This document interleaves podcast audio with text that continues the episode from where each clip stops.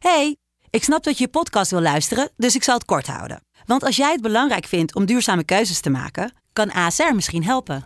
Nou hoor ik je denken, hoe dan?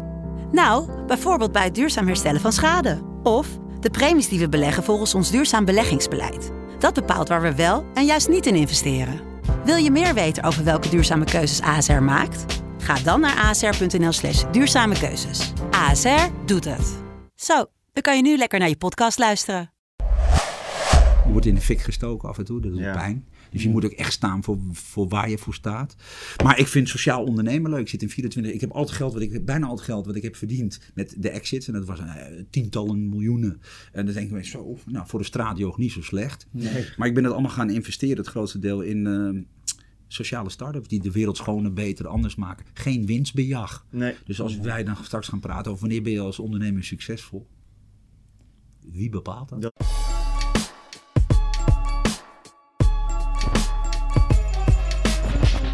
Dat vind ik het nadeel van audio.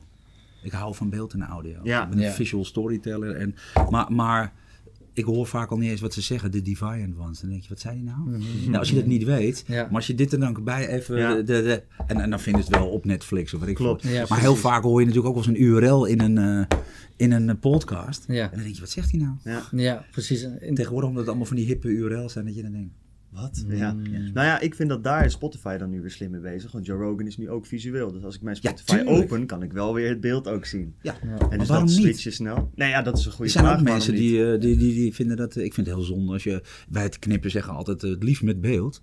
En knip je lekker de audiostream los, trap je dat in de, in de audiokanalen. Voor Ja. de mensen die dit niet willen. Zeker. Maar dan een beetje, als je het toch doet, dan heb je alles. ja, Ja, ik- en je dat- ziet toch wel dat het een heel ander publiek is ook. Hè? Zeker. Ja. Dus, eh, Maar je kan toch ook de audiostream lostrekken? Ja. Dan haal je het beeld weg en dan zet je hem in de, in de audiopodcast. En dan hoeven die mensen niet te kijken. Dus Zoals je Gary hebt, het- je hebt het altijd toch. zegt, dat is gewoon repurposing media. Ja. Dus wat je doet, dit neem je op en je filmt. Dus je hebt iemand voor beeld, je kan er kleine snippets voor pakken, dat is Ja. microcontent. Vervolgens kan je die kleine stukjes content uitschrijven in korte blogs, maar je kan ook de hele Ja. podcast een lange blog maken. Maar Nou, eigenlijk, is- dat is het Atomic. Content model. Dat deden wij vroeger al. Is dit verhaal interessant genoeg?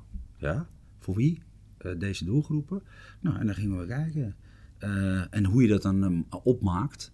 Eh, natuurlijk is dat een waaier van. Ja, een film, herhaling, een snippet, een blog. En, maar vaak ook andere vormen van content. Ik kan er ook een quote nog uithalen. Dus, dus je gaat eigenlijk kijken, als je tien content elementen hebt, nou, dan kun je...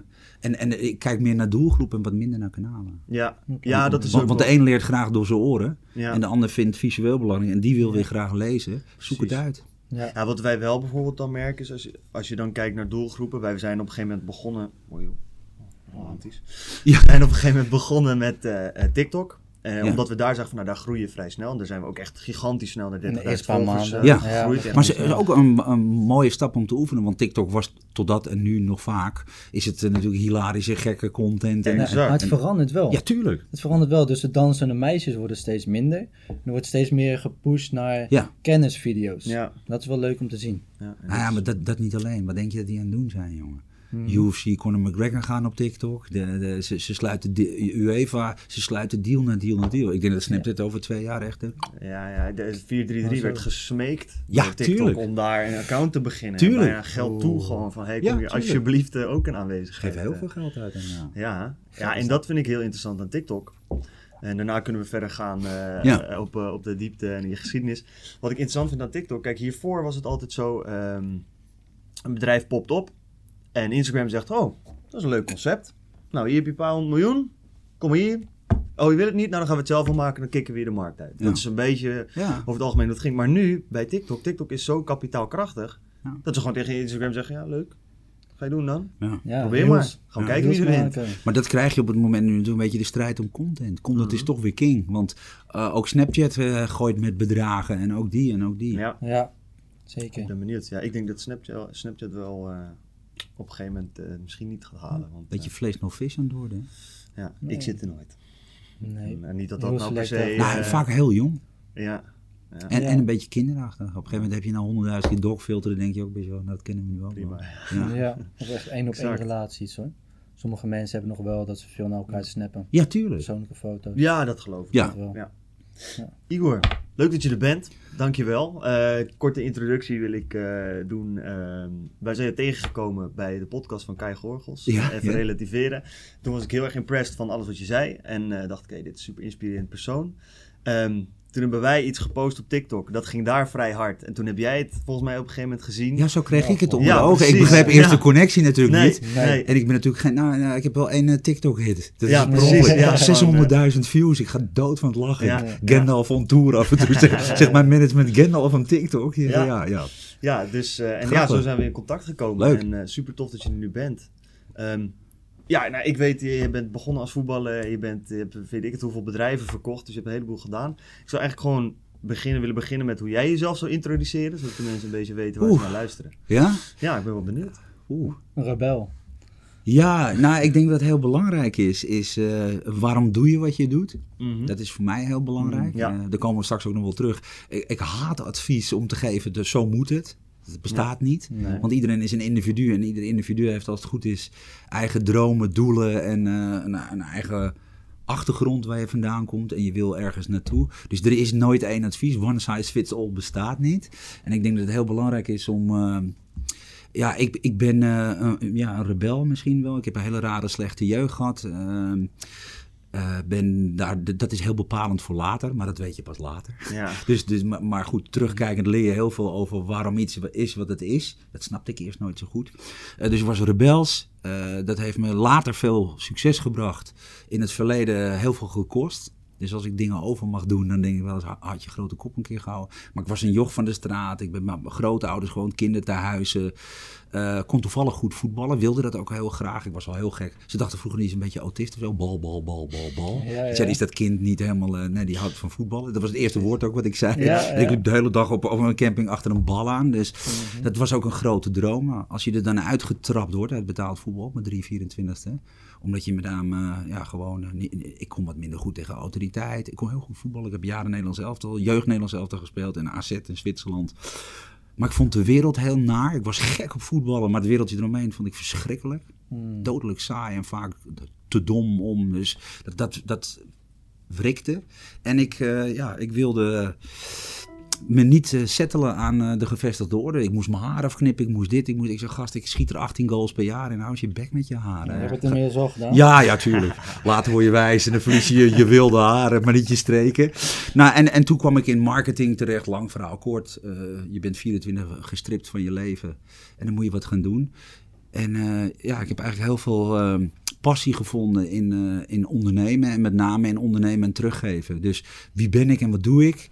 Ik zou mezelf omschrijven. In de brochure staat spreker, futurist, eh, sociaal ondernemer. Een sociaal ondernemer is met name. Ik heb eh, een paar goede exits gemaakt. Echte klappen. Vijf bedrijven opgezet en verkocht. Ja. Later pas, toen ik uit loondienst ging. Ja. Ik ben pas op mijn 33ste gaan ondernemen. Oké. Ja. Ja, ja, ja. Dan iedereen ja. denkt dat, dat je moet morgen beginnen meteen als ondernemer. Daar heb ik een hele andere kijk op.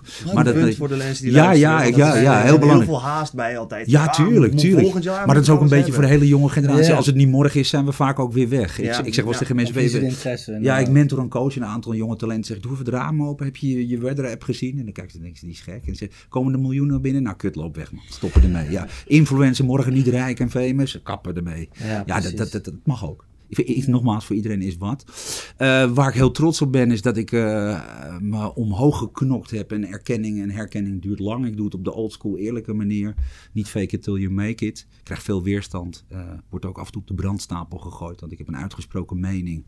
En ik ben vooral, denk ik, als mensen oprecht, echt. En kan heel slecht tegen onrecht. Ik neem het op voor de zwakkeren. Ja. Of het nou in corona is of in andere momenten, krijg je daar, ja, je krijgt echt de power to be disliked. Ja. Je wordt in de fik gestoken af en toe, dat doet Ja. pijn. Dus je moet ook echt staan voor, voor waar je voor staat. Maar ik vind sociaal ondernemen leuk. Ik zit in 24. Ik heb al het geld wat ik bijna al het geld wat ik heb verdiend met de exits. En dat was eh, tientallen miljoenen.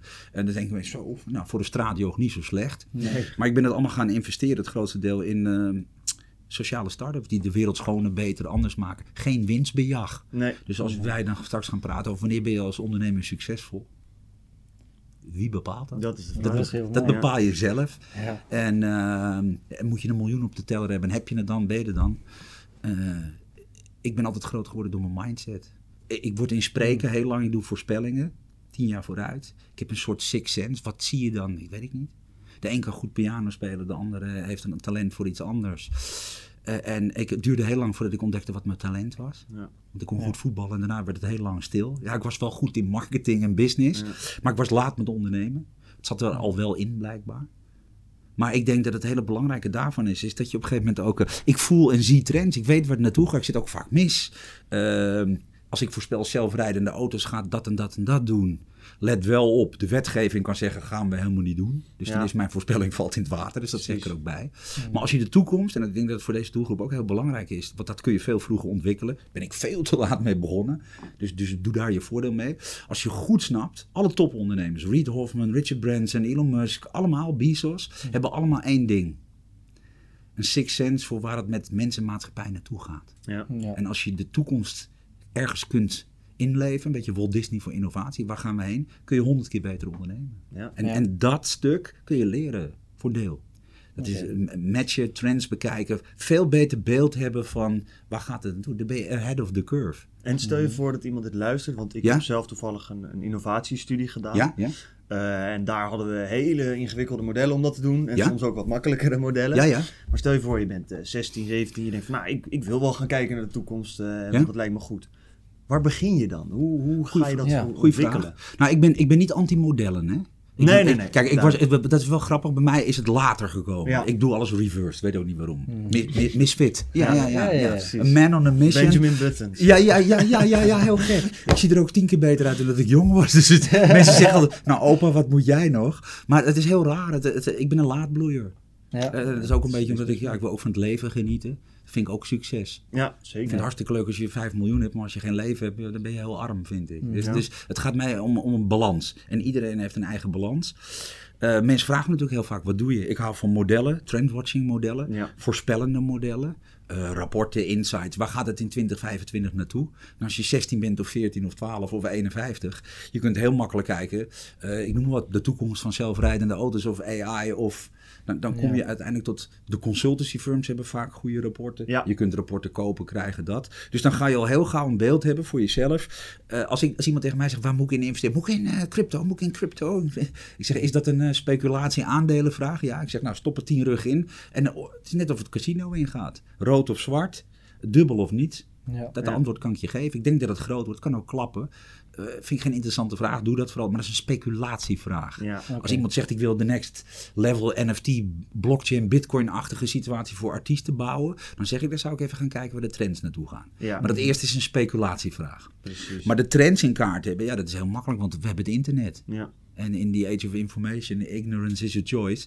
Je kan alles vinden. Ja. Dus eigenlijk ogen en oren open. Zo- En- Zoeken. Ja. Ja. Ik zeg, iemand zei wel eens tegen mij, als ik dan zou, cybersecurity, ik zeg ja, dat groeit naar, eh, de- eh, naar 350 eh, miljard wereldwijd in vijf jaar tijd. Dus dat wordt groot. Ja. Ja, En hoeveel dat is het soort- nu?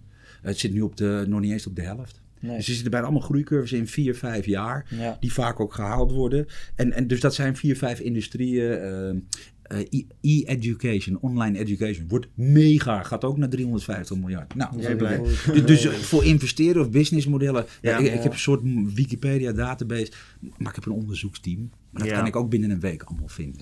Alleen Ja. je moet weten waar ga je naar zoeken en waarom. Ja.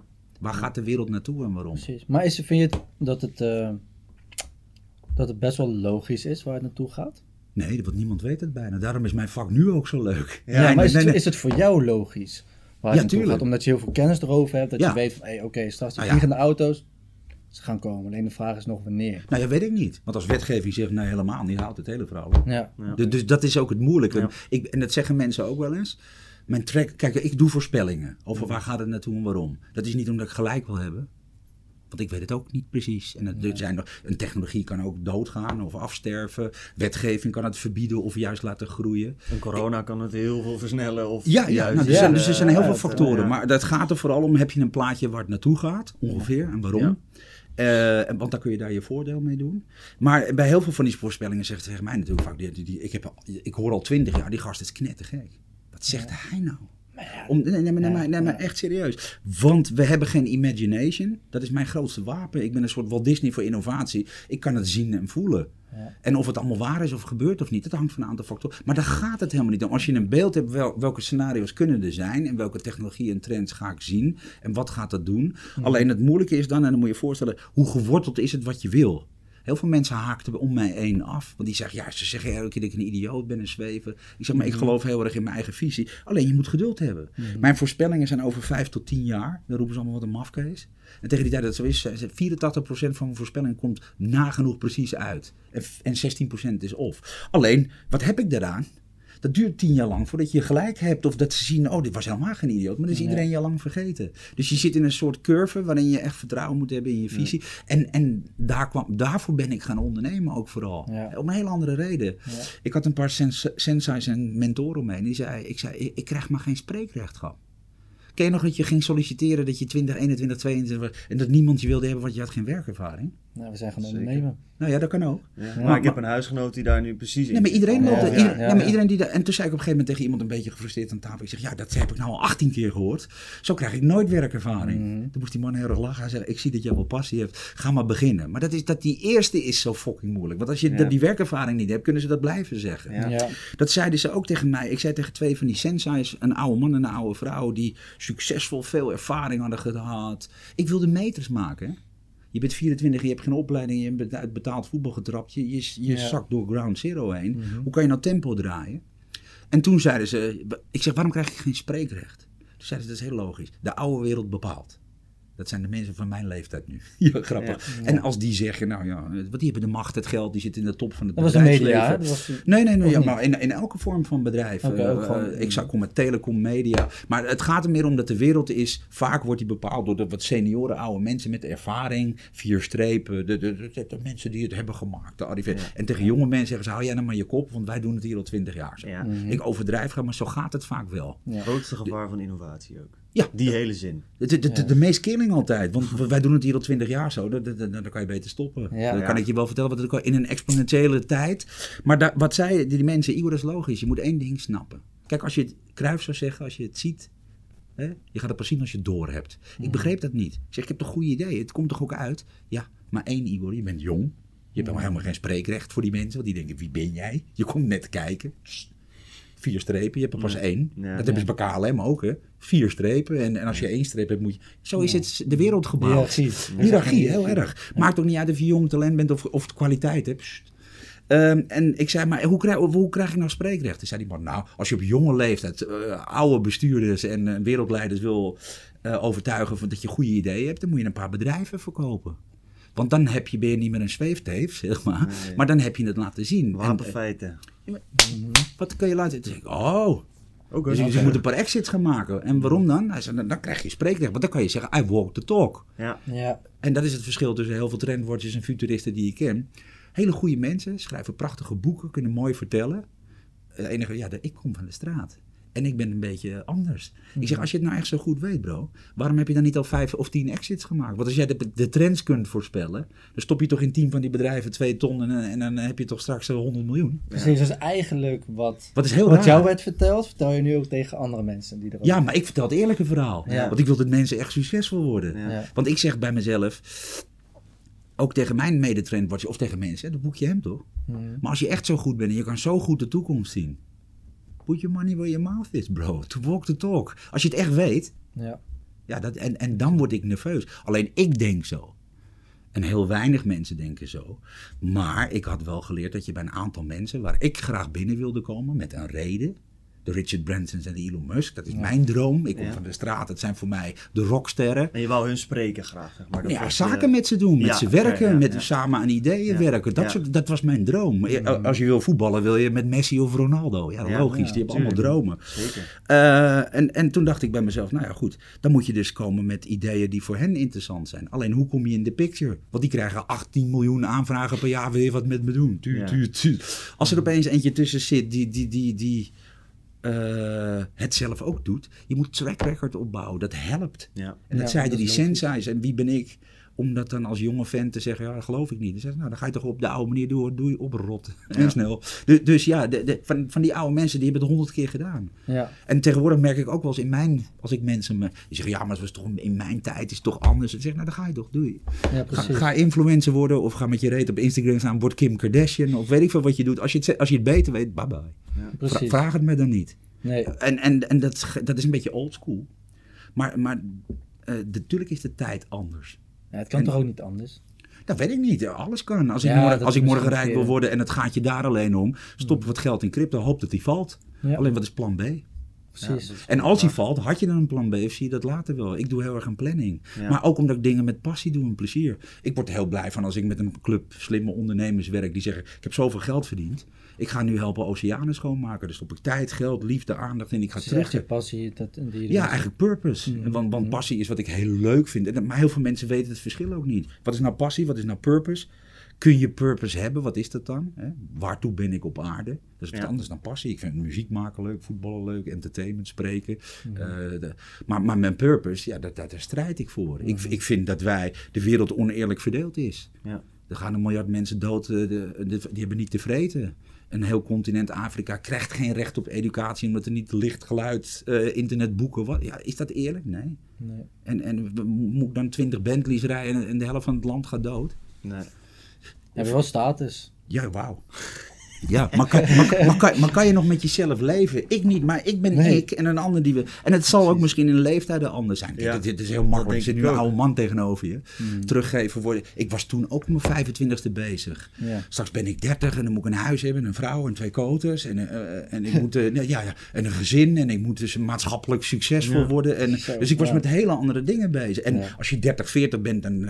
Op 30 ga je ook een beetje terugkijken. Heb ik iets bereikt? Waar ga ik naartoe? Dat, eh, dus iedere box is allemaal 10 jaar. Ja. En daarvoor zie je ook dat mensen op bepaalde leeftijden heel erg uit elkaar groeien. Relationeel op je werk, met relaties. Tussen 30 en 40 word je een heel ander mens. Dat geloof Ja, ik. dat En op is, 40, eh, 50 ga je, als je je ontwikkelt. Hè? Ja.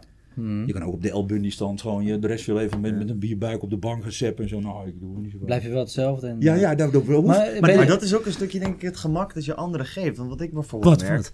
Nou kijk, ik merk dat ik... Ik was eigenlijk eerst... Ik blode veel. En Ja? ik, ik was lekker aan het chillen. En Ja? eh, een beetje bakjes drinken. En dat Ja. vond ik helemaal top.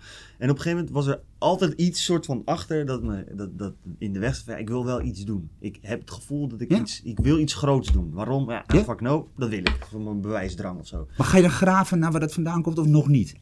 Deels. Maar dat vind ik dus heel lastig. Dat, Waarom? Dat vind ik, vind ik, ehm, Zit omdat ik- vaak in je jeugd, in je karakter. Ja, zeker. Nou, kijk, ik weet al van mezelf. Kijk, ik ben een, wat dat betreft een heel onzeker jongetje. Ik heb, toen ik jong was, ik heb ADHD gehad altijd. Ja, ja, ja, Eh, daar heb ik nu niet heel veel last meer van. Maar daardoor was ik altijd anders. Ik kwam met iedereen chillen, leuk, hè, leuk. Alles is toch lachen. En, maar er waren andere mensen die hadden veel meer het sociale construct door. Dus van, hé, maar hij speelt ook met de weirdo's. Dus wij gaan hem een beetje bij de weirdo's stoppen. Eh, en ja, daardoor heb ik denk ik een soort van ook een bewijsdrang. Dat weet ik, daar komt het door. Ik heb eigenlijk een soort van fuck you naar iedereen. Van ik zal jullie eens laten zien hoe groot ik wel niet kan worden. Hoe ver gaat dat? Ehm, ja, hoe ver gaat dat? Ik Ja. denk dat het best wel ver gaat. Vroeger, dus Ja. een paar jaar geleden, dat het... Het is wel minder geworden sinds jij jezelf beter leert kennen. Ja, dat Ja, is mooi. Want ik, wil altijd een Rolex kopen. Ja, ja, ik ook. toen was ook op mijn eerste droom. 4.000, Ja. 5.000 euro. En toen dacht ik, ja, kut, laat ik maar een coach inschakelen. Maar, maar zal ik je iets gek zeggen? Ik denk dat het op een aantal manieren hangt er vanaf. Ik heb het heel erg gehad, eh, eh, heel kort, maar belangrijk. Want als je dat leert herkennen, vroeg, progressie, daarom zeg ik tegen heel veel mensen, steek vooral veel tijd in de shine, Instagram, je selfies, je filters en eh, je, je sixpack of je dikke reet en, en pak likes, ga op OnlyFans en dan kan je ook geld verdienen. Even de moderne influencer hype. Nee, ja, nee, ik maar heel gek scheren. Ik ben ook niet gek natuurlijk. Ik heb een echt goed onderzoeksteam en ik sta met beide poten in de klei. Ik vind het ook heel leuk om alles te zien. Maar ik kom uit een hele gekke jeugd en de, als je de driver kunt begrijpen van wie je bent en waartoe je doet wat je doet, kun je ook snappen dat het soms een soort obsessie is waar je mee af wil rekenen. Ik bedoel, ik, Ja. ik was alleen met mijn moeder en ik had hele, mijn moeder was heel boos op mijn vader, die waren uit elkaar. Dus mijn moeder vond mij een kutkind. Dat is heel bekend in de psychologie. Dat als iemand heel, het kind op zijn vader lijkt, dan, dan is de haat is heel erg geprojecteerd Ja, op dat kind. Ja, nou, dus ik voel me niet heel speciaal. Mijn moeder was tegen mij, dat gebeurt heel vaak, maar het was heel kut. Ja. En ze zei, eh, na- naast soms fysiek geweld, eh, dreigen en altijd kleineren. Ja. Ik denk niet eens dat ze door heeft, dat weet ik ook niet. Ja, gewoon automatisme is dat. Je, je, je bent een loser, je bent niks, je kan niet eens voetballen. En ja, elke keer als ik shine, dus ik, ik heb 121 miljoen cellen in mijn lijf, net als jij, kryptonite en DNA. Oh, wacht eens even. Ik heb nooit een schouderklopje gehad, herkenning, erkenning. Ik zal het wel even laten zien. En als mensen tegen mij nu nog of toen zeiden het is onmogelijk. hey, dan gaat het, eh, gaat het nou, dan moet, ja. dat, dat, moet, dat, dat is mijn warming-up. Ja, Ja. precies. En dan begin ik. Alleen als je dat je hele leven blijft doen om je jeugd te compenseren, ben je niet vrij. Dan, dan, dan ga je altijd. Dus ik heb dat wel leren balanceren ergens. Ja. Maar dan moet je de tijd niet in fucking shine stoppen naar de buitenwereld. Kijk mij nou. Ja. En 1% aan jezelf werken. Voor mij is persoonlijke progressie is mijn kracht. Ja. En dat ik shine naar de buitenkant vind ik hartstikke leuk. Maar ik steek 60% van mijn tijd in mij. Ontwikkelen, beter worden, anders worden. Eh, eh, En, en deze drijfveer is hartstikke goed.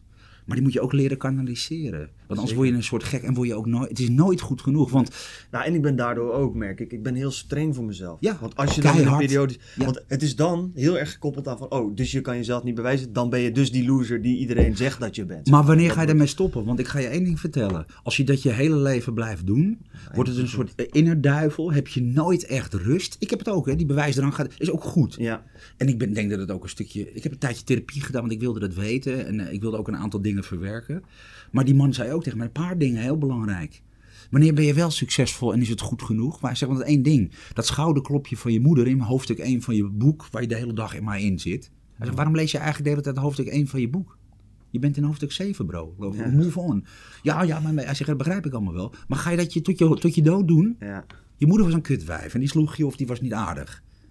Maar, maar, maar wordt dat de drijfveer voor alles wat je doet in je leven, compensatie? Wordt het dan ooit nog goed genoeg? Ga eens terug naar de tekentafel. Wie ben jij nou echt? En ben je succesvol? Ja. En, en is het ook een stukje mentaliteit, karakter die je hebt? Want je, je, je bent gedreven. Je wil met voetballen de beste zijn. Heeft misschien niet helemaal wat met je jeugd te maken. Ga, ga nou niet uitpluizen waar het allemaal zit. Kom je toch niet achter. Het is hoe het is. Hoofdstuk 1 is geweest.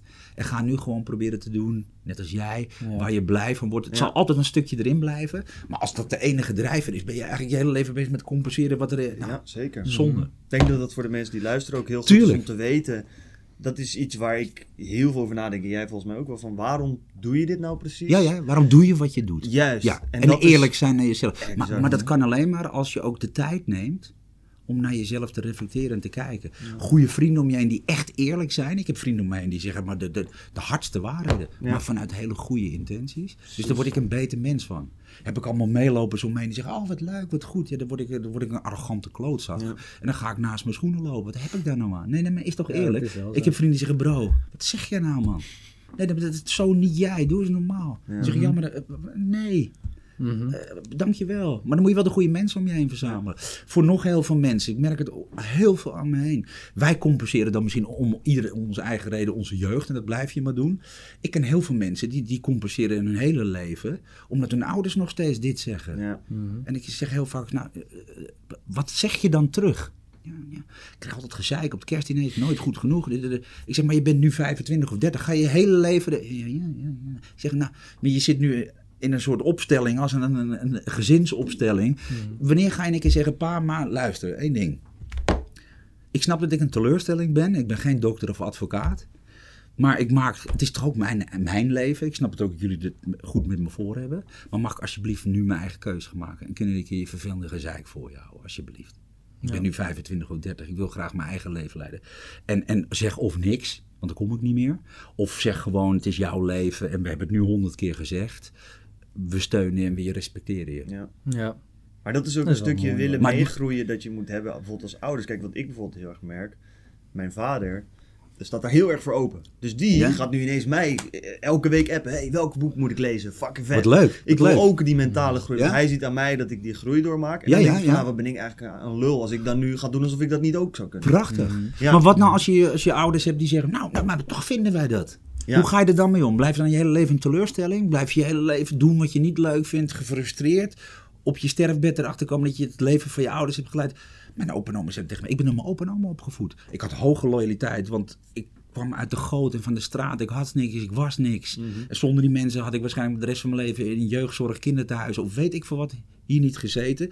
Dus de loyaliteit was heel hoog. Ik wilde die mensen bedanken en eren en, Mhm. en vooral doen wat zij zeiden, want ja, dat was een soort tribute to. Ja, Je, je spuugt niet op de mensen die je uit de stront hebben ge- getrokken, bij, bij wijze van. Hè? De, de, maar, die, maar, maar mijn oma zijn oldschool, die waren een generatie ouder dan jouw ouders. Die Mhm. zeiden, nou, je opa zat 40 jaar bij de spoorwegen en eh, eh, ga maar bij de KPN of bij de En spoorwegen. gewoon je hele leven lekker werken. ja, en, en, dan heb je wat spaarcenten, ja, heb je straks een leuk gezin en zekerheid en, in huis. en een goed pensioen. Ja. Dat mag, maar dat is niet voor mij. En ik zei op een gegeven moment, jongens, moet je luisteren. Als je het nou nog één keer zegt, ik hoop echt dat jullie me respecteren, maar dan koop ik de KPN. Nee, nee, maar serieus, je moet nou echt stoppen. Ja. Ik ben niet dat, ik snap het risico, dat veiligheid, dat, dat, maar je moet ergens durven op een nette manier afscheid nemen, breken en je eigen leven gaan leiden. Ja. Ja. Foxen man, We- we- we- moeten zij het leven leiden wat jij ze vertelt? Nee. Zeker. Dus je kunt ook vragen om respect. En, en op een gegeven moment moet je ook je eigen leven gaan leiden. Zeker. Je bent geen kloontje. En zij projecteren vaak ook nog vanuit een. Ze hebben het goed met je voor, dat mag. Maar ook vanuit, vergis je niet, de generatie die heel erg luistert naar de kerk en de staat. Wij zijn anders, vrijer, de wereld is veranderd. Eh, ik wil mijn eigen keuzes kunnen maken. Ja. Alleen ik vond het heel moeilijk om te breken met die loyaliteit. Maar op een gegeven moment, ja, hou dan je kop erover en doe het. Of, of ga netjes zeggen, ik wil mijn eigen koers varen. Voor vrijheid. voor wanneer, op, wanneer kwam dat moment voor jou? Was het toen je was gestopt met, eh, met voetbal? Was het toen je echt ging werken? Of toen je begon als ondernemer? Nou, ik kwam in het zwarte gat terecht toen ik 3, 24 was en uit voetbal was getrapt. Ik had niks, ik kon niks. Eh, Ik Nee. had geen opleiding, want ik was al lang van de universiteit, want ik was er nooit. Ik, Dus- dacht, ik, word, ik word toch voetballer, dat was ik ook. Dus ik dacht, zo, de erop met je school, niks van... Ja. Maar je Ik- zat wel op de universiteit. Ja, ja, ja. Je zat wel op de universiteit. Je hebt wel een Ik brein. bedoel, dan was je wel al Nou, we zeggen, is dat zo? Ja, ja, dat je academisch kunt denken. academisch We- we- gezien ja, was ja, je ja, een, ja, ja. een hoger Nou, niveau nou, nou ja. Je hebt potentie voor mensen die dan... Weet ik niet. Ik, ik, ik had met voetbal ook geen potentie. Ik, ik denk niet dat ik een heel hard... en Dat, de- laat ik het eerlijk zeggen. Ik werd heel succesvol in betaald voetbal. Toen leerde ik al hoe dat kon werken. Maar ik had niet veel talent. Ik was geen... eh, ik kom uit de generatie... eh, Nou, de werken. Ja, ik was harde werken. En ik wilde het liever dan iedereen anders. Het is niet gezegd dat je garantie op succes hebt. Je moet ook een bepaald niveau Nee, kunnen halen. Maar, maar je hebt ook werkvoetballers die... die, die Dirk de- Kuyt-achtig. ja, die de top halen, jaren Nederlands elftal spelen. Terwijl ze eigenlijk niet kunnen voetballen. Ze worden ook een beetje uitgelachen. Maar ik had wel de persistence en de power om maar door te gaan. En alleen toen ik in dat zwarte gat kwam, dacht ik bij mezelf... Ja, wat, wat ga je met je fucking leven doen, man? Hmm. Je hebt niks, je kan niks. Ik was mijn identiteit, mijn geld, mijn voetballen, mijn passie en mijn droom kwijt. Hmm. Dus ik dacht, nou, drugs, gokken, zelfmoord. eh, ik wil niet meer. eh, of de rest van mijn leven gaan werken in een kutbaantje, want ik heb geen opleiding. Ja. Dus dan moet je terug naar de tekentafel. Heb je opa en oma die tegen je zeggen, nou, ik zei toch, ga nou maar gewoon... eh, Ga gewoon werken. Ga nou gewoon lekker bij de spoorweg of bij de KPN. Ja. Dacht ik, oh, fuck. Nee, Misschien, misschien moet ik het wel gaan doen. Of- ja, ja, tuurlijk dacht ik Ja, dat sowieso. ja, om- zeker, ja, ja, ja. tuurlijk. Maar, maar het gaat er meer om, wie ben je en wat wil je? En Ja. als we het over ondernemen gaan hebben, voor mij was dat geen... Heel veel mensen roepen, ja, je moet ondernemen, want dan heb je vrijheid. Gelul, hoe kom je dan bij? Met wie heb je dan gesproken? Ja. Is dat het doel? Als je vrijheid wil, moet je niet gaan ondernemen. Ik heb 10 jaar, Oké. 15 jaar van mijn leven eh, geen relaties, weg, geen, geen tijd, geen vrienden. Het was nog erger dan voetballen. Ik was altijd weg, ik was aan het leren. Eh, ik- ik- ik- als je de top wil halen, dan moet je meters maken. Maar dat is wel een vrije keuze. Kijk, dat is altijd... eh, Nou, niet je veel- bent een maar- extreem geval. Je hebt Ja, ook maar- veel ondernemers Ja, die tuurlijk. kiezen als een halve hobby. Maar je hebt Ja, in elk kan ook. een kantoorbaantje nemen en dan ook 60, 70 uur in de week werken en je hele leven ervoor op. Bepaal je allemaal zelf. Dat bepaal je maar zelf. daarom moet je denk ik vooral bepalen wat is je purpose, je passie. Precies. En waar word jij gelukkig van. Maar dat is de vrijheid die ik zoek, denk ik, een ondernemer, de nuance. Dat is de vrijheid om mijn eigen keuze te kunnen maken. Tuurlijk ga ik dingen moeten doen die ik kut vind. Ik ga ook heel veel tijd erin moeten stoppen. Maar het is wel mijn troep en mijn keuze Ja, om dat te gaan doen. Maar dat kan ook bij een bedrijf als je goede matchmaking doet. Want ik, Ja. kijk, dat, dus, dus er zijn geen regels, maar ik snap helemaal wat je bedoelt. Maar dat doen ook veel mensen niet goed. Als je nou daar niet voor kiest. eh, en je gaat in een bedrijf werken. Waar. Hoe zoeken wij nog steeds een bedrijf en een baan? En hoe zoeken de banen en de bedrijven ons? Op de oude manier die niet meer helemaal werkt. Namelijk op je skills, je vacature, je opleiding. Er zitten een stel biased idioten die zeggen... nou, ik heb ook bij het core gezeten. Dus dan ga je alleen maar core mensen bij elkaar verzamelen... en dan word je zo biased en zo blind als ik weet niet wat. Ja. Of je gaat kijken naar, en dat is een werkgever, waarom, als jij nou goed bent, ik noem even wat, in een vacature, die daar staat, met de skills, drie jaar uh, account manager geweest. Dat is de vereiste. Nou, dan kan je account manager, en dan kwalificeer je misschien wel om op die baan aangenomen te worden. Zo doet iedereen het. Ja. Maar welk bedrijf word je happy van? Even los van of je het goed kunt of niet. Want als je accountmanager bent of boekhouder, kan je toch bij honderd soorten bedrijven werken. Zeker. Waar kies jij voor en waarom? Ja. Wil je in de Royal Navy, de corporate, met een cultuur waarin eh, dit? Ja, of wil je in een wat meer relaxed familiebedrijf of in een platvloerse organisatie? Ga je bij een heel traditioneel Eneco of KPN-achtig bedrijf? Of wil je in een kleine start-up zitten waar innovatie, passie en met zo... Wat, wat makes you tick? En dan, als je dat gematcht hebt en weet voor jezelf, kun je daarna gaan kijken, wat past nou, waar kan ik nou accountmanager of boekhouder worden? Heb je dat toen ook gedaan op je Tuurlijk. 25ste? Tuurlijk, tuurlijk, Sensite. Maar dat is, ja. Ja. want dat Ik is moet- best wel ik- een dat ding. is- Dat, dat niet iedereen heeft dat door. Want dat is, Ja, maar, dan ben je, maar, maar even serieus, je hebt die- dat door, dat, dat, dat geloof ik. Niemand heeft dat door. Nee. Nee, of je moet exceptioneel die ik ken, slim die zijn zijn. nu aan het solliciteren. En die, Ja. die, daar is het meer, nou gelukkig mag ik hier dan in ieder geval Ja. op gesprek. In plaats van, ja, oké, ik mag op gesprek, maar jullie moeten mij ook wat bieden. Het is niet alleen maar ik Nou, kom hier en nou, hopelijk mag ik naar Nou, maar binnen. dat niet alleen. Wat vind je dan belangrijk? En heb je Ja. daar goed over nagedacht? En dan kom je op hele andere gesprekken. Het is natuurlijk wat anders, hè? Als je aan het begin van de waardeketen zit, heb je wat minder te eisen, te wensen. Ja. Ik was blij dat ik de eerste keer een baantje kreeg toen, toen ik, eh, weet ik veel wat. Want ik, ik had geen werkervaring, dat hoorde ik overal. Maar het gaat er weer om, wat wil jij met je leven? En wat heb jij bij een bedrijf te vertellen? En ook snappen, ik ben zelf werkgever geweest, want ik heb eh, drie bureaus gehad en verkocht. En eh, dat doe je, ik had honderd in dienst op een gegeven moment in drie clubs. Dus je doet ook eindgesprekken veel. En, en daar zei ik, ja, er waren mensen die maakten echt indruk op mij. Die zeiden, nou waarom ik voor jullie heb gekozen, er zijn heel veel bureaus en dingen. Dit spreekt mij heel erg aan, daar blijkt dat uit. Eh, ik vind de cultuur en het bedrijf belangrijk, jullie zijn innovatief. Toen dacht ik, ja, wat moet je nou dan zeggen? Je hebt jezelf al aangenomen. Ik zei, nou, kom maar beginnen. Ja, dat is mooi. Ja, ik sprak maar als laatst ook iemand die inderdaad die zei wat hij deed. Die zei, nou breng je cv wel mee. Ja. Pakte die cv, scheurde die in tweede. Zei, het gaat maar niet om wie je geweest bent. Het gaat om wie wil jij worden met ons. Ja. En dat is inderdaad ook een hele andere manier. Tuurlijk. Dat is het maar, maar ook waarom kies jij nou voor ons? Want als je iemand hebt die in een slim gesprek zit en die dat aan jou vraagt, die, die leest toch binnen twee seconden, je zit gewoon hier voor een baantje en dan kan je eigenlijk geen flikker schelen waar je zit. En als je morgen 100 euro bruto meer krijgt, ben je ook weg. Ja. Laat maar.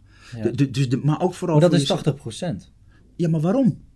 Nou, dat, Het gaat om je leven niet. je Ik ben niet zo'n toekomst. persoon, maar nee, nee, ja. nee, nee, maar het gaat er meer om 80%. Het, waarom? Het gaat om, je, om jou of jou of om mij, je leven, gaat je toekomst, je belang. Je gaat, weet ik veel wat, als je gaat werken, hangt er vanaf. Er zijn geen regels. Maar je kan tussen de 10, 20, 30, 40 uur. Normaal gesproken werk je de eerste 10 jaar van je leven eh, fulltime of bijna fulltime. Eh, eh, en je moet nog reizen. Het, het is een beetje, je hebt 8 uur slaap per dag. Of 7 uur of 6 uur. En dan heb je nog 8, 7, 8 uur werken met reizen, vaak 10 uur per dag. Dat is het grootste deel van je leven. Ja. Ga je dan zitten omdat je denkt, nou, ik heb een. Of ga je kijken naar iets waar je ook happy van wordt, groeit, leert, wat bij je past. Zo belangrijk. Dus de- ik vind het al heel raar dat mensen daar dan maar. Daar moet je op afstuderen vooral. Omdat je ook wil. Ja, je gaat er heel veel tijd aan besteden. Ja. Ja. En dat doe je dat toch ook het liefst bij een club waar je goed zit. En dat je je functie, je vacature goed kan uitvoeren. Ja, logisch. ja. Als je Dus- niet kan boekhouden, moet je niet. eh, dan kom je, maar, maar waar ga je dat doen en waarom? En, wa- Ja. en waarom vertel je dat aan zo'n bedrijf? Waarom kom ik hier bij jullie? Nou, ik vind het jullie heel belangrijk. Jullie hebben ook een goede rol voor de maatschappij. Ik denk dat het een innovatief bedrijf is. eh, ja, of gewoon, ja, ik vond het een goede vacature en ik heb werk nodig. En het salaris was ook wel lekker. Ja, de standaard ik denk wel toch ook dat er een hoop... Dat veel mensen om me heen weten het ook gewoon niet echt. Ja, maar hoe kan dat dan? Ja, dat, ik zou willen dat ik daar een antwoord op had. Want Nee, ik heb maar, het maar, zelf ervaar ik ja, dat het is ook een hele gekke vraag die je eigenlijk stelt. Vanuit mijn perceptie. Ja. Dus je wil zeggen dat alle jonge mensen niet weten dat er mensen zijn die het wel weten. Nou, ik denk wel dat er veel jongeren zijn die mensen kennen die het wel weten. Nou, Zeker. maar, maar daar moet je toch de mosterd gaan halen? Ja, ja Mhm. eens. Dus jij zegt Nee, eigenlijk ja, ik ben inderdaad, heel ga kijken wie het gewoon al gedaan heeft en ga vragen, hé, hey, hoe dan? Ja, en dan ook nog eens een keer. eh, wie past bij jou en waarom? Ja. Ook daar gaat weer om matchmaking. Ja. Want als je, als het een, eh, ik wilde dat met, met, met een Richard Branson of iemand anders die ik hoog had zitten, omdat ik het een bijzonder mens vond, de dingen deed die, die, die, die mij aanspraken. Ja, ik had ook iedere oude lullen vrouw kunnen vragen: hey, je hebt veel ervaring, waar moet ik op letten? Ja. Ja. Nee, maar, maar, maar, maar dit soort dingen zijn de crux.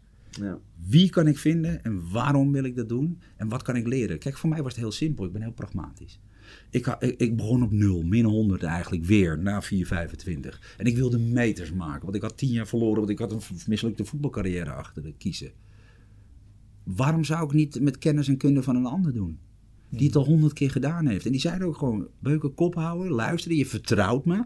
Doe het dan ook op mijn manier. Dat is vertrouwen. Als je steeds gaat denken, ja, ik doe het toch op mijn eigen manier. Vraag het mij dan niet, het is zonde van mijn tijd. Ehm, ik geef je die tips en adviezen, doe ermee wat je wil. Maar dan kan je toch, dan kan je toch meters maken. Ja. En hoe is dat gegaan toen? Dan wil ik eigenlijk wel terug naar van, nou, je, Ja. je, je wordt uitgeknikkerd bij voetbal. Ja. En je denkt, kut, ik moet echt iets gaan doen nu. Ja. Ehm, hoe gaan dan de komende vijf jaar? Hoe verloopt dat? Van, Nou ja, kut, ik heb niks, naar Ja, waar je toen dan... Wil ik nog? En hoe? En wat? En is Ja. dit mijn leven? Al je dromen, dingen vallen in de. Kijk, een, een voetbalberoep is natuurlijk ook weer iets extreems. Dat kan je niet zomaar worden. Dat is maar voor een paar weggelegd. Ja. En dan kun je ook nog Messi worden of een gemiddelde voetballer. Vind je het dan ook nog leuk? Maar het was mijn passie. Ja, dat wordt. Ik had nooit nagedacht over ik dan wilde. Ik had er één ding. Ik word gewoon goed. Ja. En ik was wel goed. En, en, en, en mijn oma zei wel als je je knie breekt, kom je nooit meer terug. Dacht, ik heb je haar weer. Nee, ja, nee, ja, goed. Nee, ja, goed. Maar, maar ik had op een gegeven moment een plan B. En ik wilde op een gegeven moment, eh, ik moest ook gaan ontdekken, wat wil je nu graag? Ja. En ik heb de mazzel gehad, dan moet je ook geluk hebben. Dat dwing je misschien ook af, dat weet dat is niet aan mij.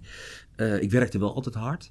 En ik, ik, ik raakte, ik kwam in sportmarketing terecht. Want dat is, dat is het enige waar je als mislukt voetballen nog... eh, en ik dacht, nou, ik, ben, ik wist wel wat van marketing. Ben ook wat gaan leren, studeren. Ik kwam in sportmarketing. Ik vond marketing heel leuk. Ik kom uit de tijd... Ik was toen 4, 25. Toen kwam het internet net een heel klein beetje... Klinkt gek voor heel veel mensen, maar een beetje in de hoek. Toen dacht ik bij mezelf... Dit wordt de grootste revolutionaire technologie voor de komende 100 jaar. Was dat dit, onderbuikgevoel of wederom weer- Six- Six Sense. Ja, oké. Ik zag dingen dat ik dacht, what the fuck? En iedereen zei, Igor, jij hem weer? Dat is een hype. Ja, rustig. Dat is een hype, waait toch over. Ja. Je hebt Amazon en drie webpagina's. Het is allemaal langzaam. Je zit op een modem in te bellen.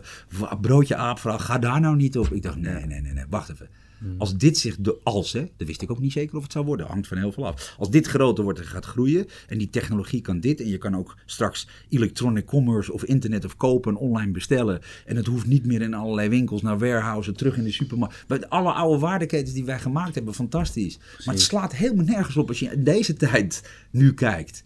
Dan ga je naar de supermarkt, ga je uit de schappen staan trekken in een karretje op de band en dan doen ze het weer daar. En, eh, en dan hebben er ook nog mensen het in het warehouse gezet en in de Albert Heijn en gestickerd en weer terug. Wat is dat voor waardeketen? Het product wordt zeven keer te duur. Ik kan toch ook zeggen, vanuit het warehouse in mijn keuken. Precies. Sla die acht stappen over als ik dat wil. En als je de hele dag in de Albert Heijn wil zitten met je mondkapje, nou doe je dat. Maar, maar, maar, maar ik zag wel dat er nieuwe dingen gingen komen. Ja. Alleen, wist ik het zeker? Nee.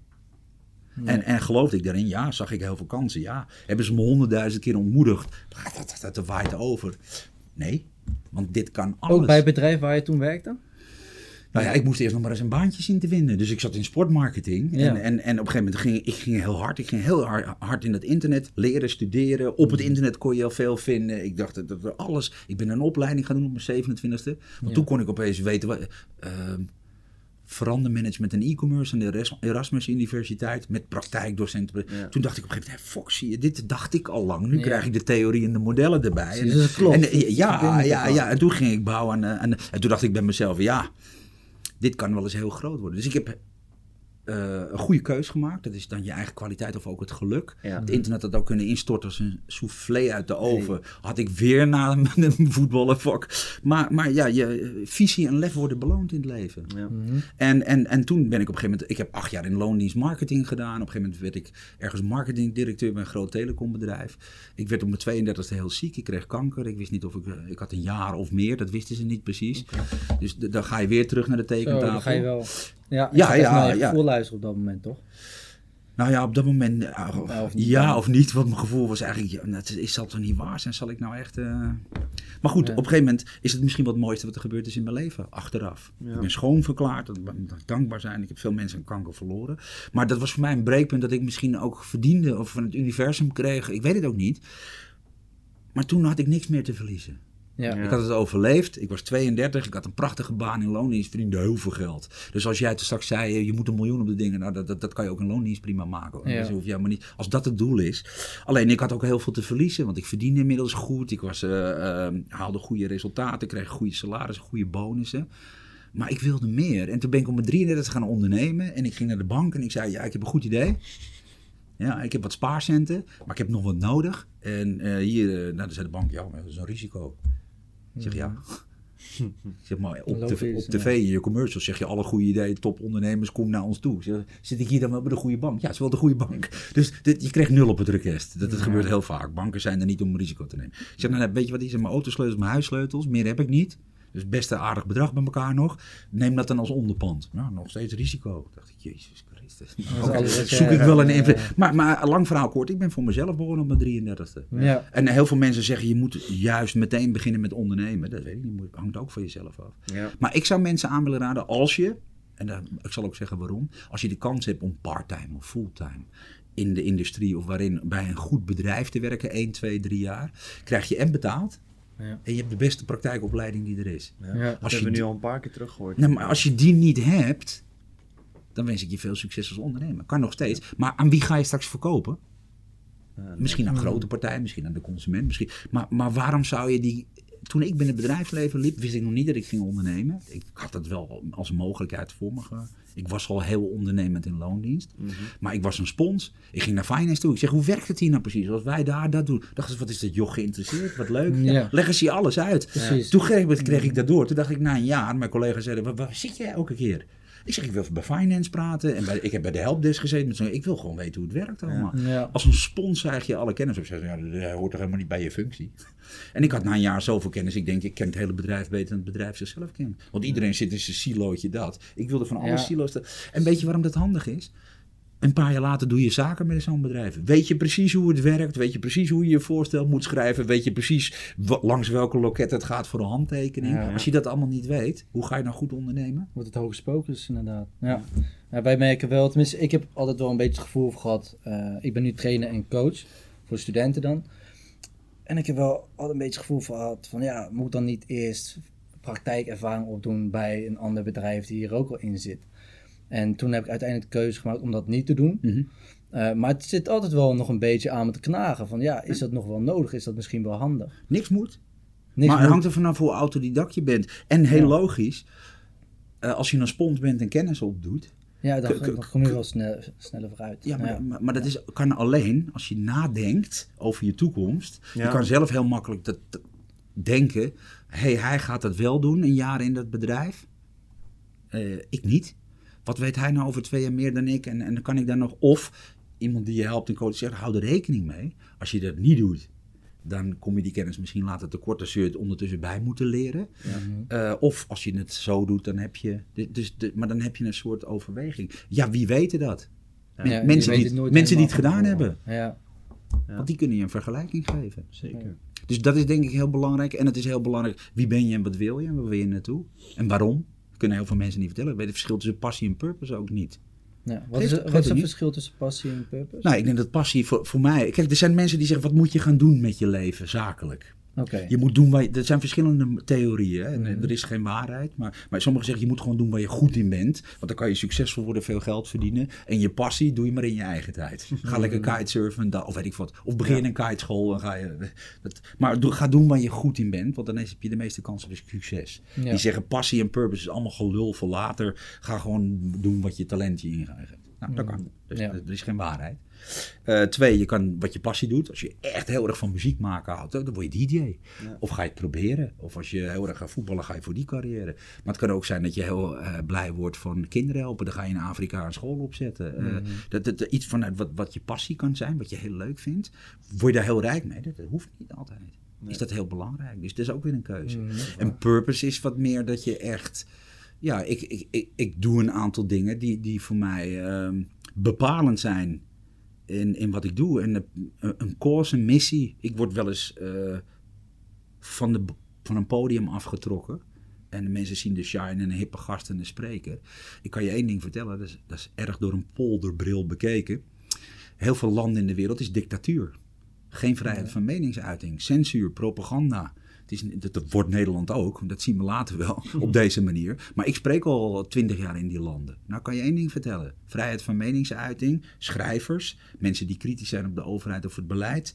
eh, die worden gewoon opgesloten, vastgezet of... of eh, hè? Vraag maar aan Khashoggi. Ik wil net zeggen. En zal ik je wat vertellen? Jamel Khashoggi, een journalist die heel kritisch schreef, boeken, praten, sprekers, schrijvers. Er zijn in 2019 en 2020 meer schrijvers, sprekers, journalisten verdwenen en vermoord dan ooit tevoren. Dus dat zegt ook iets over de Je trend. hoort daar helemaal niks over. Nou, het is ook Nou, schandalig nou wacht, als wacht, je- wacht, dat is wel belangrijk. Anders snappen mensen misschien niet wie Jamal Khashoggi is. Dat was een man die had dingen geschreven, net als Salman Rushdie die een boek schreef. Of als je dingen zegt in bepaalde regimes. Word je, die man die werd in die ambassade in Istanbul vastgezet. Eh, later bleek in mootjes gehakt en vermoord. Maar wat doen ze? Zover gaat het. Eh, ze hadden een dubbelganger ingezet. Dat is natuurlijk een grof. Die, die liep naar buiten op straat. En dan zeiden ze, nou, dan heb je die... Oh nee, Khashoggi zie je op de CCTV-camera beelden. Nee, maar hij is naar buiten. En Dus het- daarna is hij niet meer aan gevonden. Nee, dat was een dubbelganger. Ja. Ja. En, en met AI, facial recognition, zien ze dan. Lang verhaal kort, ik sprak in Turkije. Ik moet ook uitkijken wat ik nu zeg, anders gebeurt het weer. En dat bedoel ik met een cause. Een cause is Nelson Mandela. Ja. Je, doet, je vecht tegen apartheid als je 27 jaar... en Dat doet bijna niemand hoor. Dus laten we daar ook maar niet te veel over hebben. Ma- Malala die zegt, vrouwen mogen ook opleiding... en die krijgt een kogel in de hoofd door de Taliban. Dat, dat zijn een beetje de helden waar ik naar opkijk. Mensen voor de greater good die zichzelf wegcijferen voor. Het is een stukje jezelf wegcijferen is daar heel Nou, veel nou, vergeleken met passie. Passie is veel eigen plezier Yes. en purpose gaat dieper. Daar kan je Nou ja. jezelf eigenlijk... Nou ja, de- in, in verschillende gradaties. Ik, ik heb heel lang voor de spiegel moeten staan, ook tegen mijn zoon moeten zeggen. Zeggen als pa niet meer thuis komt. Want waarom? Anders snappen de mensen het niet, context. Eh, ik ben in Turkije, eh, ik, zit in een, ik spreek, er zitten duizenden mensen in de zaal. Er is daarna Q&A, mogen vijf vragen gesteld worden. Dat kan een journalist zijn, dat kan iemand zijn. Dat kan ook iemand van de inlichtingendienst zijn die zich niet zo heeft eh, voorgesteld. Ja. En op dat moment krijg ik een vraag over freedom of speech. En, en ik weet op dat moment, als ik nu iets zeg, dat was een eh, half jaar na Khashoggi zie je je zo nog, kom je nog thuis. In, in een nanoseconde flitst dat door je hoofd. Ik ben niet gek, hè? Ik, ben, ik, weet waar, ik ben in veel landen geweest. Ik zeg vrijheid van meningsuiting in Turkije. Wil wil je de vraag opnieuw stellen of niet? Oh, dus, nee, nee, nee. dus die hele zaal wordt muisstil. Ja. En, en ik werd daarna over, kwamen ze even toen ik naar, de, naar het hotel ging, of ik even mee wilde komen. Zit je vier dagen vast. Ik ben behoorlijk in elkaar gebeukt. En, en, en, en dat ding van Khashoggi nog scherp op je netvlies. Ja, dat geloof ik. Ja. Du- du- dus dat is een moment dat je op dat moment, dit, nu kun je het nog navertellen, dat, dat, dit is niet meer in jouw handen. Zover zou ik niet gaan als ik veel mensen was. Dat vind ik ook moeilijk. Maar ik zou het morgen weer doen. Ja. Nee, maar je kwam ook in een situatie, en op dat, in de situatie zelf nam je de beslissing om nog steeds hè, je purpose Ja, Maar, dit- maar ik ben steeds in die situatie. Als ik in Nederland zeg iets over coronabeleid, dan weet ik dat ik de, de helft van mijn boekingen kwijtraak. Omdat Ja. mensen het niet eens zijn. Dat mijn Ja. visie over een paar jaar weer uitkomt, is wat anders. Dat weet ik. Maar dat Dan weten gaan mensen. ze weer du- dus Ja. het kan je je carrière kosten, het kan je je kop kosten. Dus, dus purpose kan, maar purpose kan ook zijn dat je dol bent op de oceanen en een Ja. boy aan slat bent en, en, en, die, en plastic eruit gaat vissen. Ja. Dan doe je het met iets minder risico, maar je hebt nog steeds purpose. Hetzelfde met die, met, met die, met die whale eh, fishing eh, gasten die dat tegengaan. Die op Ja. een klein bootje eh, Dus Sea Shepherd en dat gevoel Ja. met gevaar voor eigen Ja. leven. Ja. Nou ja, goed. Nogmaals, dat bepaal je zelf. Ja, Precies, en je mag dus zelf bepalen waar je voor gaat. Is het ook- en, om dan jou toe te gaan, tussen je 25ste en 33ste, ben je toen voor eh, je purpose gegaan? Nee, had ik toen nog niet. Nee. Nee, precies. Dus ik wi- wist ook niet goed wat het was. Nou, ben je, wist- ben je- ik- was je daar wel mee bezig? Nou, ja. Nee, meer om, om, om eh, uit het slop te komen. Ja. Want ik mislukte voetbalcarrière, net als iedereen. Ik wilde carrière maken, toekomstvrijheid. Ik wilde reizen, ik wilde eh, Caribische vakanties, een vrij leven kunnen Ja. leiden. Dus dat kan ondernemen zijn. Maar toen dacht ik later, jezus, ondernemen is eigenlijk veel... Dat, dat kost je al je vrijheid. Dat geeft ook niet, want je kan er iets voor terugkrijgen. Maar het is niet helemaal gezegd dat we een exit maken. Dat lezen we elke dag, hè. Ja. Dat je je bedrijf voor 100 miljoen verkoopt en dan ga je wat anders doen. Maar, maar er zijn ook maar één Messi en één Ronaldo. Wat doet de rest? Ja, Snap je? precies, Dus, zeker, ja. Maar, maar dat- wist ik daar nog niet zo goed. En eh, dat komt misschien ook pas later. En dat geeft ook helemaal niet. Ja. Nee. Een stukje tijd ook wel. Dat is wat ik ook heel erg merk. Dat ik, soort van, ik zou het heel graag willen hebben, want ik denk dat het ook best wel liberating is. Het Ja. geeft je echt een soort van houvast van, dit is waar ik echt voor sta. Ja? Eh, maar wat je zegt, het heeft ook tijd nodig omdat, ja, je moet als persoon marineren, ontwikkelen en ontdekken Mooi- van, ja, wat gezegd. boeit me nou Ja. eigenlijk En, en, en ik ben een heel ander mens dan dat ik toen was. Wat Ja. wel gebleven is, is de passie en ambitie. Als ik iets doe, doe ik het goed. Ja, precies. Maar dan En- zie je terug met, je, met voetbal, dan zie je terug Alles. met je werk en zie je terug Alles. met je ondernemen. Ja. Oké. En, en op, nu op een gezonde manier. En dan kijk ik even naar jou en naar mezelf 10, 15, 20 jaar geleden. Toen was het ook een driver die maar compensatiegedrag was Ja. om, om te bewijzen dat ik geen kutkind en een loser was. Als je dat heel vaak hoort, ga je Ja. het geloven. Ja. Maar dat, als die, dat is op een gegeven moment niet meer. Iemand zei, jij gedraag je nog als dat kind dat zich wil bewijzen. Dat is heel Ja. schattig. Maar je bent nu een volwassen, succesvolle man. Precies. klopt niet helemaal meer, bro. Nee, je dus moet echt wat... vroeger heeft iemand een label op je geplakt en jij ziet dat nog steeds zitten, maar anders, Yes. mensen zien jou Yes. anders. Maar Ja. nog een ding, en dat heb ik altijd mee gehad. Imagination, dromen, mindset. Voor heel veel mensen denk ik heel belangrijk. In wat je doet. Mhm. Ik wil heel duidelijk zeggen dat het niks met, niks met geld te maken heeft. Ik stel Mhm. grote doelen op het gebied van purpose. Ja. Ik kan helpen om de oceanen 20, 30 plastic vrij te maken. Als ik er allemaal tijd en geld in moet stoppen, dan wil ik graag dat dat lukt. Dan heb ik iets heel moois neergezet, vind Ja. ik. Maar, maar dat kan ook in iets anders zijn. Ik leerde later, omdat ik een kutkind was, wat dacht dat hij... Je moeder is boos, je vader is weg. Je wordt altijd loser genoemd of... eh, ja, eh, extreem. Maar dat kan ook zijn dat je niet gaat ondernemen omdat je ouders willen dat je dokter wordt. Of, ik, precies. ik dacht op een gegeven moment, wie ben ik nou? Wat wil ik nou graag en waarom? En, en ik kon nooit groot denken, want dat werd al kapot gepraat. Dat Wat ik later heb geleerd, en dan moet ik heel, dat is voor mensen, als jullie Moonshot kijken, Moonshot, tien keer groter denken, grotere doelen zetten, daar heb ik heel aan geleerd. En niet van Moonshot alleen. Ik heb geleerd dat als Is dat je... een boek of een film? Nou, allemaal. Oké. Je kunt een theorie eigenlijk over, over ja, groot- ja, ja, ja. je kunt als je moonshot thinking zoekt. eh, ik, ik heb altijd geleerd als je hele grote doelen stelt. Hier zie je Mars en de aarde komt ertussen. Een heel groot probleem. Zie je nog steeds Mars. Ja. Dus je houdt altijd zicht op je doel. Mhm. Dus hoe groot het probleem... Dus mensen zeggen vaak, ja, je moet niet zulke grote doelen stellen, want dat wordt een teleurstelling. Eh, mag ik even zien waar het staat? Zeg wie? Nee. Voor mij geldt precies andersom. Als ik grote doelen stel en er komen grote problemen tussen, ik hou altijd zicht op mijn doel. Ja. Dus ik haak nooit af. Grappig, grappig. Andere mensen stellen zo'n doel, dus je hebt hier de aarde, er komt Mars tussen. Ik, ik zie, ik ga wat anders doen. Ja. Dan is het ook niet geworteld, waait het om. Ik bedoel een beetje het, het hit-and-run gedrag. Als je snel influencer wil maken voor veel doelen en pleiten. Ik wens je veel succes. Ik hoop ook dat het je lukt. Maar het is niet heel geworteld. Dan krijg je waarschijnlijk na vier weken een vlog burn-out. En ben je je wat ik er bedoel? ook Ja. van dat je dan, want, want daar ben ik het helemaal mee eens. Kijk, je zet dan een doel over 10 of 30 jaar. maar dan wacht, dat wacht, is- wacht. Ik zeg niet een doel. Ik zeg een heel groot doel. Ja, en nou ga ik je nog een verschil in mindset geven. Ja. Imagination en mindset. Als je dat durft. Je hoeft het niet uit te spreken, hè? Want dan ben je een gekkie. Ja, maar je kunt het voor jezelf wel doen. Ik dacht op een gegeven moment, moonshot. Moonshot? Ik was blij, dat heeft me heel lang geholpen. En dan dacht ik, nou, dat, dat is al groter. Maar ik dacht op een gegeven moment, zo, moonshot. Heel even eerlijk beuken. Dan gaan we even, even echt op de man af weer reflecteren. Moonshot. Er staan voetstappen op de maan. Dus je kan zeggen, nou, don't tell me it's... eh, dat zeggen mensen vaak, hè? Een quote. Don't tell me it's impossible when I see footsteps on the moon. Ja. Maar nu ga ik in mijn patroon terug naar hoe ik heb geleerd van superondernemers denken. Die honderdduizend keer Igor Beuken zijn. Die zouden zeggen, moonshot? Eh, Ze zijn toch al lang op de maan geweest, bro? Ja, dan zeg ik, ja, heb je gelijk. in. Dat is toch niet groot? Nee, nou, nee, nee, die zeggen Mars. Dan gaat Elon Musk al heen, bro. Lekker als je... Nee, nee, nee. Nou, kan- Ja. waarom niet Saturnus of Jupiter? Ja. Ander universum, nog verder. Nou ja, ja.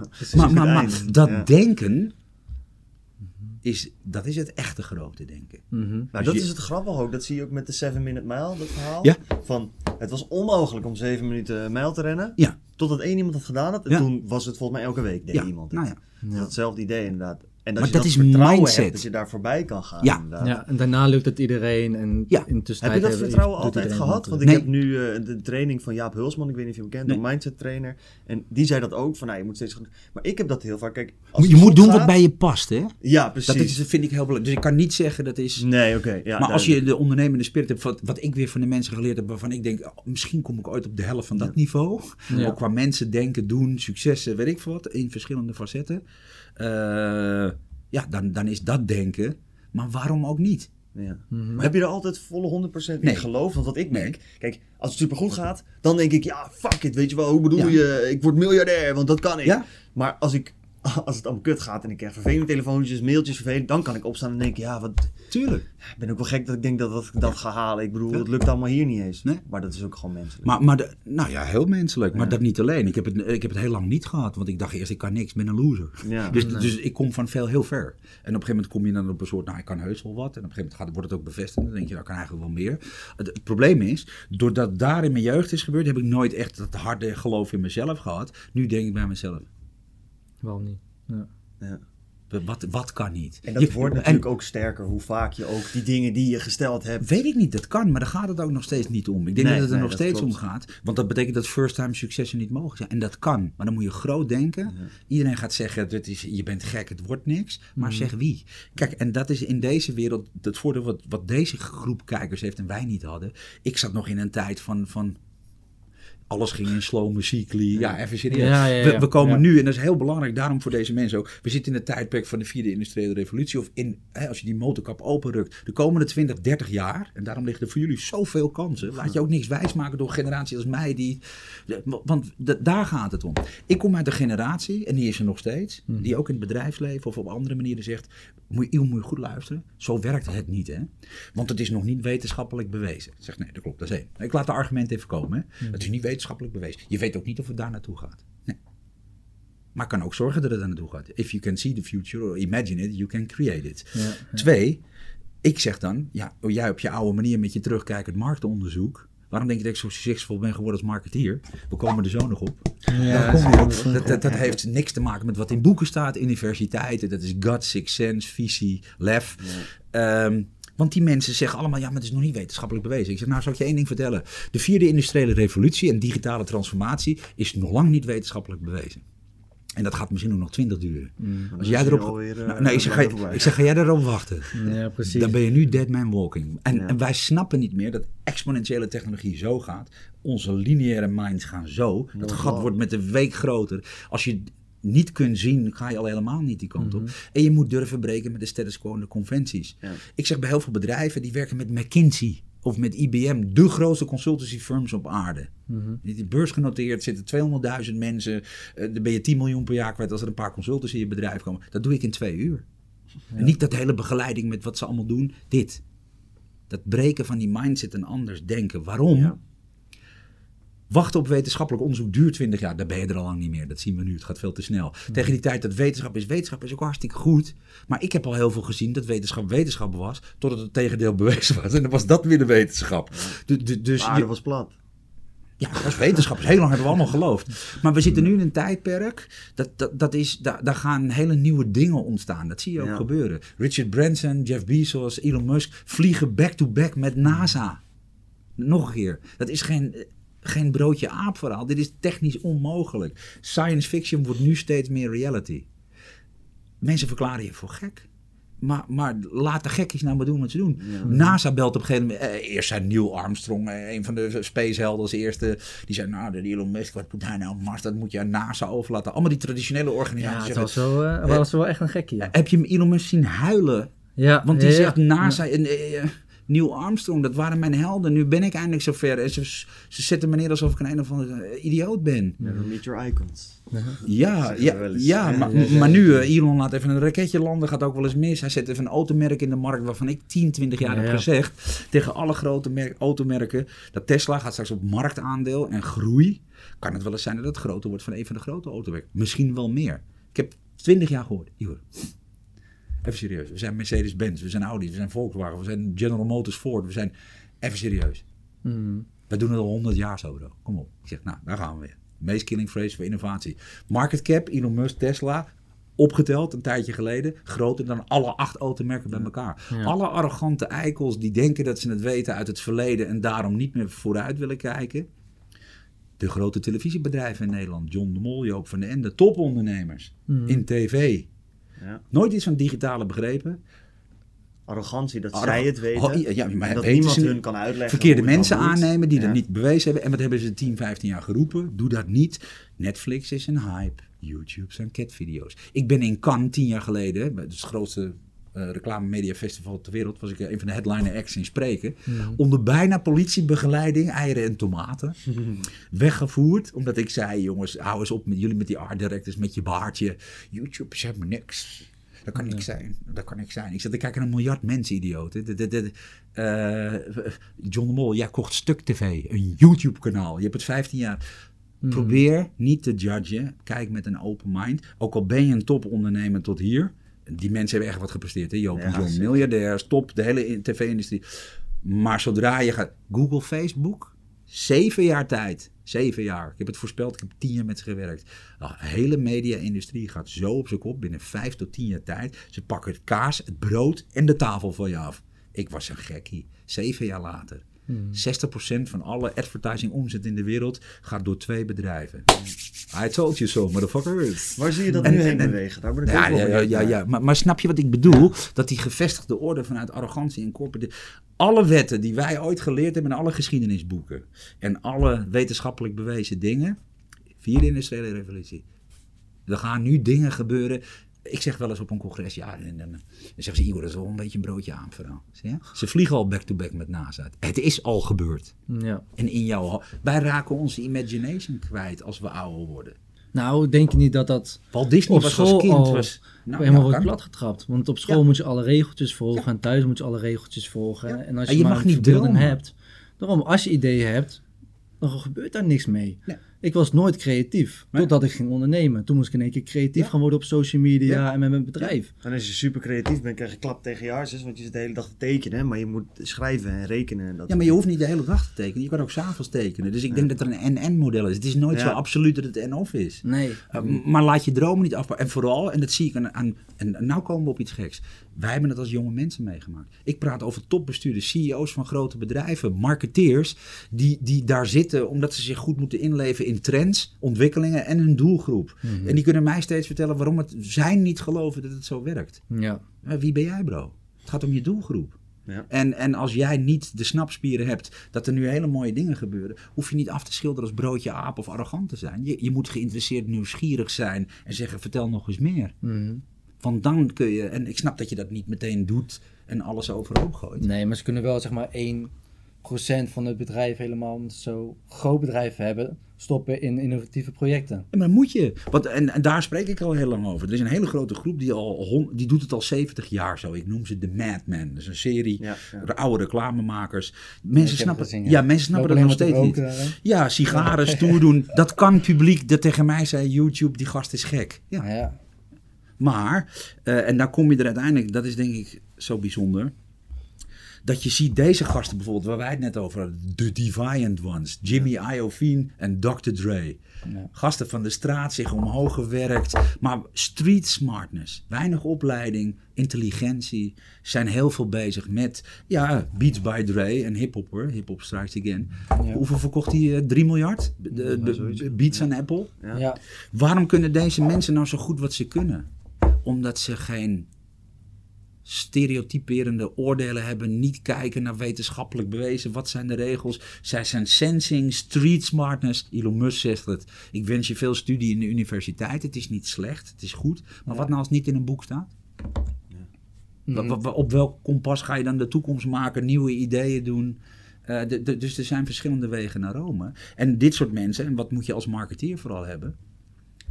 Dat je open staat, nieuwsgierig bent, wil ontdekken. Eh, wat Ja. kan er nog meer? Hoe kan ik dan mijn business... Vertel eens, ook defensief. Als ik zeg, de maatschappij gaat de komende 20 jaar meer veranderen dan de afgelopen 300 jaar. De kansen die er voor jullie liggen, nou, zoek het maar uit. Slimme steden, de- we krijgen dat, we krijgen groene, eh, circulaire energie. Dit, dit is het, tijdperk in de wereld om, om, om, om verschil te maken, bijzondere dingen te doen, nieuwe dingen te Ja. doen. Eh, Maar je Man. ziet ook dat... Denk je dat dat goed samen kan met winstoogmerk? Dat is Wat? iets wat... Eh, dat- gast, even serieus.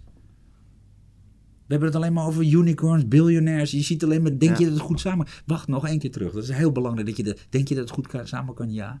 Exponentiële te- technologie. Mhm. 2, 4, 8, 16, 32, 64, 128. ja. Kan het snel gaan? ja, zeker. Nu meer dan ooit, bro. Maar, op een, op duurzaamheid een... bijvoorbeeld, als je kijkt naar een, een, een Amazon, ik weet niet hoe duurzaam hun model nu is voor zeg maar de komende 50 jaar. Als je kijkt naar de manier waarop levering bijvoorbeeld gebeurt. Maar je moet ook niet meer naar 50 jaar kijken. Dat moet je aan mij overlaten. Oké, nee, nee, nee, goed. nee. En, en, want dat is toch niet zeker. Nee, dat is maar heb Ja. nou een visie op het grote plaatje. Ja. En, en, maar maak boksen van vijf tot tien jaar daarin. En hier ga je weer herijken. Want zoals ik zei, wetgeving kan zeggen dat mag niet meer. Technologie kan ook op de, Ja. op, op de graveyard komen. Niet alles wordt exponentieel goed. Nee. Er zijn er een aantal die floppen. Dus, dus dat is denk ik belangrijk. Maar ook daar weer. Ik, ik ben uit het World Economic Forum gestapt een paar aantal jaar geleden. Waar, waar nu veel vandaan komt over de Great Reset, Build Back Better. Ik heb er jaren voor gesproken. Ik voelde dat het niet de goede kant op ging. En ik voelde het ook aan cultuur, mindset en mensen. Waarom? Daar zitten veel lobbyisten, mensen die belangrijk willen zijn. Dat er- Die doen het eigenlijk voor andere redenen dan die sociale ondernemers en innovators waar ik mee werk. Ja. Richard Branson die heeft een passie voor oceanen. Die is dyslectisch, die wil educatie voor mensen op andere manieren leren dan lezen. Dat doen ze vanuit hun hart. En dat zijn miljardairs en die kunnen ook gas geven. En, en een Bojan Slat heeft het niet. Die haalt geld op en die gaat crowdfunden. En die gaat gewoon oceanen schoonvegen. Ja. En die zegt 2040 is het plastic eruit. Kunnen jullie alsjeblieft stoppen met het plastic erin donderen? Want anders blijf ik vegen. Ja. En dan zeggen ze bijvoorbeeld economen voor... Ja, jij maakt hele pragmatische voorbeelden. Ik kom, maar zo gaat het niet. En eh, dat is toch allemaal ingewikkelder. Ik zeg, oh ja, voor jullie met je lobby. Omdat je het doet vanuit je naam en geld en andere belangen. Bojan doet het vanuit zijn hart en zijn ziel. Hmm. En die, als we nou nog... Mijn hele simpele voorbeeld. Vind nou nog eens tien Bojans. Ja? En geef ze geld. Vinden en funden. Dat doe ik met een hele grote groep onder Ja. sociale ondernemers. We vinden en funden 10 Bojans. Zijn de oceanen 2030 plastic vrij? Anders nog iets? Next. Wat moeten we nog meer doen? Het klinkt heel raar, maar dan gaan zij zeggen: ja, het is heel ingewikkeld. En dan gaan ze een afstudeerproject maken. Ik zeg tegen die tijd dat jullie er hier uit je ei komen, zijn, zijn de oceanen al kapot. Daarom wil ik met ondernemers werken. En sociale ondernemers met een hart en een ziel, die niet alleen maar geven om winst, maar die ook geven om teruggeven. Maar die exponentiële technologieën zijn het toch? En, en ga nou eens in dat boxje zoeken als je miljardair wil worden. Ik zou niet zeggen, wat met zoals jij toen straks zei, zet op een kaart een miljoen. Als je een miljoen op de kaart zet, moet je niet gaan ondernemen. Dat is geen moonshot. Dat is niet Mars denken, dat is niet groot denken. Tuurlijk haal je een miljoen. Dat haal je in de... Mijn zoon zegt hetzelfde. Wat moet ik doen? Weet ik veel, wat je leuk vindt. Van mij niet lastig. Ja, ja. Ja. je, ik ga ik je een antwoord geven. Ik ben jou toch niet? Nee. Eh, En dan zegt hij, ja, maar goed. Eh, Ik zeg, nou, ik zeg, je hebt een beetje... Ja, ik, maar ik ben natuurlijk een aparte vader. Maar hij deed marketing, business management, mbo. En hij zou naar hbo gaan, maar dat doet hij natuurlijk niet. Want hij heb kutsmoes en andere dingen. Nee, Heeft hij een drangbewijs? Wat heeft hij? Een drangbewijs naar jou toe? Bewijs Ik hoop van niet. Bewijs Vraag ik wel. eens. Nou, Ja. nou, ik hoop dat hij zichzelf... Maar ik geef dat ook niet mee. Nee. Ik geef gewoon een eerlijk antwoord op wie hij is. Ja. Ik wil niet de fout maken die, die mijn open oma maakte in dat opzicht. Dat ik ga projecteren wie hij moet. Hij is een ander individu in een andere tijd. Alleen, ik kan hem helpen. Ik zeg, maar het is heel makkelijk. Daarom moet je oude mensen misbruiken. Eh, op een goede manier, hè. Rustig. Voor het ik zeg tegen hem, oké. eh, wat een gekke vraag. Moet ik toch hbo gaan doen of niet? Weet ik veel. En wat is je afweging? Ja of mbo? Hmm. Ja, nou, ik zeg, nou ja, als ik naar jou kijk, heel simpel. Je houdt van dure zonnebrillen en dure schoenen. Je bent net je vader, een half vijf of wat toen. Nee, maar serieus. Je bent- ik, zeg, ik zeg, ik zou, als ik jou was, voor jou nu niet die hbo gaan doen. Want je hebt al een beetje aan geld geroken, je werkt er wat bij. Ik zeg, alleen, het is korte termijn denken. Hoezo? Ik zeg, nou, als je op lange termijn dure spullen wil, moet je hbo gaan doen en dan verdien je straks. Ik zeg, heel simpel. Ik zeg, toen je pa werkgever was, zei ik tegen dat soort mensen, met MBO kun je straks gemiddeld 50.000 bruto per jaar verdienen of 40.000. Nou, dat doe je dan de komende 30 jaar. Ik zeg, laten we zeggen dat je 40 jaar werkt. Zo makkelijk is het. Van 20 tot 65 of 60. Dan verdien je 50.000 per jaar. Nou, dan verdien je eh 40 jaar keer 50.000. 2 miljoen bruto per jaar. Dan heb je dubbele van wat je daar... Alleen je bent geen miljonair, want dat is bruto. En, dan- ik zeg, en als je HBO gaat doen, dan verdien je waarschijnlijk dubbele. Dus wil je in 40 jaar 2 miljoen of 4 miljoen bruto verdienen? Maar dat is nou een heel zeg, goed punt. en, en anders nog iets. Want dat en is dan zit hij na te denken. Ik zeg, ja, dat, daar had je niet over nagedacht. Hè? Nee. De- de- dus ik kan jou ook niet het antwoord geven op je vraag. Nee. Wat wil jij? En ik zeg, dat verandert straks toch weer. Maar als je nu stopt met mbo, hbo, is niet te laat. Je kan later ook gaan doen. Of zoals je vader. Ik, heb, ik dacht, ja, ga niet vier jaar op school zitten. Dat doe ik in een half jaar in mijn eigen tijd. Hmm. Alleen ik had niet een hbo-diploma toen. En daar, daar kwam ik later weer. Want dat is wat ik merk met, met eh, die studie die ik doe, is dat op een gegeven moment heb je dan, eh, er zijn hele goede bedrijven, mooie bedrijven. Je ziet vaak dat het mensen zijn die inderdaad na de 30 zijn, die op een gegeven moment denken van, hey, fuck, dit kan niet zo langer. Ik ga mijn purpose navolgen. Ja? Maar als ik kijk naar veel mensen die wij bijvoorbeeld spreken, en als ik op social media een beetje de klank hoor, Dan, ja, dan gaat het erom dat, dat, dat je het, het mooiste chick hebt, eh, de beste auto en het liefst Ja. in zo kort mogelijke tijd. Ja. En eh, dat dat, mag is alles waar het om gaat. Ja, ja, dat mag wel. Voor, voor iedereen is wat. Precies. Alleen daar gaat het ook om. Maar dat is ook misschien anders op een bepaalde leeftijd. Ik heb in die omgeving gewerkt. En dat dacht ik ook. Ik moet een goed salaris hebben. Ik had op een gegeven moment kwam ik een beetje in de gevestigde orde in dat marketing. Ik was daar goed in. Ik kreeg goed salaris. Een paar ton bruto per jaar. Een bonus aandelen. Ik had een BMW 5 of 8 serie onder mijn reet. En een, en een PA. Nou, ik had het helemaal gemaakt. Ik was klaar. Want dat, dat, dat was hoe het was. En iedereen vond me ook geweldig. In die groep werd ik daar echt happy van. Nee. Nee. Had ik het sociaal-maatschappelijk goed gedaan, veel beter dan ik had kunnen doen. Ik was doodongelukkig. Mhm. Dus, dus ja, wat wil je? Als je dat doet voor de buitenwereld of denkt dat dat het is, dan moet je dat doen. Ja. Dat kan ook. Maar je wordt er niet per se gelukkig van. Ik werd er niet gelukkig van. Nee. Niet je in het algemeen, ik niet. Een ander misschien wel. En als dat het leven is wat je vindt en je bent dan gezetteld en, en, en dan hoor je erbij. Nou, top. Ja, oké. Ja. Maar, Maar, het is wel iets nogmaals, wat... er is geen waarheid. Hè? Er is Nee. nergens staat zo... De, en als het de regels Nee, maar je ziet zijn... bijvoorbeeld wel patronen. En wat jij nu zegt, hey, ik werd niet gelukkig van het hebben van een auto. Ja, maar en ik wist status. de definitie van geluk. Ja. Voor mij. Maar dat weten die mensen vaak niet. Nee, Nee, maar we waar. zien wel om ons heen van ook andere ondernemers die hier zijn geweest. Zeggen allemaal ook keer op keer van ja, geld maakt niet per se gelukkig. Het gaat gewoon om wat jij. Geld geeft, als het goed is voor een aantal mensen, voor mij, wat geeft geld? Vrijheid. Geld geeft vrijheid. Maar ik kan maar één of twee biefstukken per dag op. Ja. Nou, Eh, anders word ik echt een dikzak. Nee, ja, bij wijze van spreken. ja, dus, tot een bepaald aantal euro eh, per jaar, bijvoorbeeld als je 80.000 euro per jaar verdient, dan is het tot die mate kun je echt erin eh, Ja. verbeteren. Ja. Maar daarna verandert Nee, maar- niet zoveel meer. Nee, maar ik bedoel, de- de- ja, als het, maar dat komt ook een beetje door deze generatie misschien. We maken elkaar ook gek met de shine. Ja. Likes kopen, fake it till you make it, vanity metrics, Olse Gulsen die liegt over een bedrijf wat helemaal niet waar is. Die doet dit, die doet dat. Als je daar gevoelig voor bent, moet je dat doen. ja. Ja. Er is geen waarde, er is ook niet iets goed, het is niet fout, het is allemaal onze eigen judgment. Mhm. Ik vind het holistisch leeg en zielig. Maar ik snap het, ik ben er ook geweest. ja. Ja. Alleen ik dacht bij mezelf, ja, ik zei het tegen jullie in het begin. Ja, wat doe je op een gegeven moment? Als je in dit compensatiegedrag een stoer doet. En, en, en, ik had 20 Bentleys kunnen kopen, 25, 30. Nou, ik stopte de, al die Bentleys in, in, in bedrijven die. Ja. En, en, en misschien heb ik wel iets te veel uitgegeven. Waar moet ik straks weer een beetje gaan opletten? Nou en, doe ik het toch opnieuw? Als je echt zo goed bent als dat je denkt, ga je er niet op je reet zitten. Ja. Nee. Ik ben wel benieuwd, want je zegt je hebt, je hebt vijf bedrijven heb je een exit gemaakt. Ja. Drie zijn er mediabedrijven, marketingbureaus Ja. geweest. Wat waren de andere twee? Oh, Ook in het omveld. Ja. Meer, meer eh, technologie die een industrie beter kon maken. Ah. Maar ik zit natuurlijk ook nog in een aantal start-ups. Alleen de- benieuwd de- ja. deze eh, zi- zijn niet op winstbejag. Nee. De- dus ik weet dat geld ben ik wel als het goed is kwijt. Ja. Nou, dus je stopt in 20 start-ups een bedrag van 2,5 ton, eh, ton tot een half miljoen. Ik heb het ook wel eens in start-ups ook wel eens een klap gemaakt. Dat geld investeer ik dan weer door. Ja. Maar ja, nogmaals, wat wil je in je leven? Daar gaat het mij allemaal niet om. Ik bedoel, ik heb een huis op Ibiza, daar kan ik naartoe. Eh, ik, ik, ik, ik hoef me voor mijn leven niet meer echt eh, zorgen te maken. Dus mensen zeggen ook vaak, ja, is voor jou heel makkelijk om nu te zeggen. Ja, dat is het ook. Ik heb het alleen wel zelf verdiend. Ik heb er risico's voor genomen, ik ben op mijn bek gegaan. Ik heb fouten gemaakt, ik heb ook veel geld verloren. Ja, ja. Maar nogmaals, wat past bij jou? Ja. En dat is voor ieder individu weer net even anders. Dat denk ik Dus, ook. dus vooral zou ik dat doen. En ja, ik heb nog hele grote dromen. Het begint net. Wat is je grootste droom? Wil je die delen? Jouw moon? Of eigenlijk daar voorbij dus nog? eh, jouw Jupiter? Ja, ja, nou ja, ja, ja, tuurlijk wil ik dat delen. Ik heb geen geheimen. Eh, ik, ik, ik zou, eh, de, de, het is grappig. Er is een lijstje met een aantal dingen, de, belangrijke doelen in de wereld. Ja. De, de 17 doelen van de United Nations. Ik heb daar 25 doelen van gemaakt, want ze missen er nog een paar, denk ik. En ik zou dat niet op de manier doen zoals nu gebeurt. Ik wil het op een eerlijke, oprechte, transparante manier doen. Maar ik vind een aantal dingen, en, en dat vinden heel veel mensen om me ook wel heel gek. Waar heb je het nou over, gast?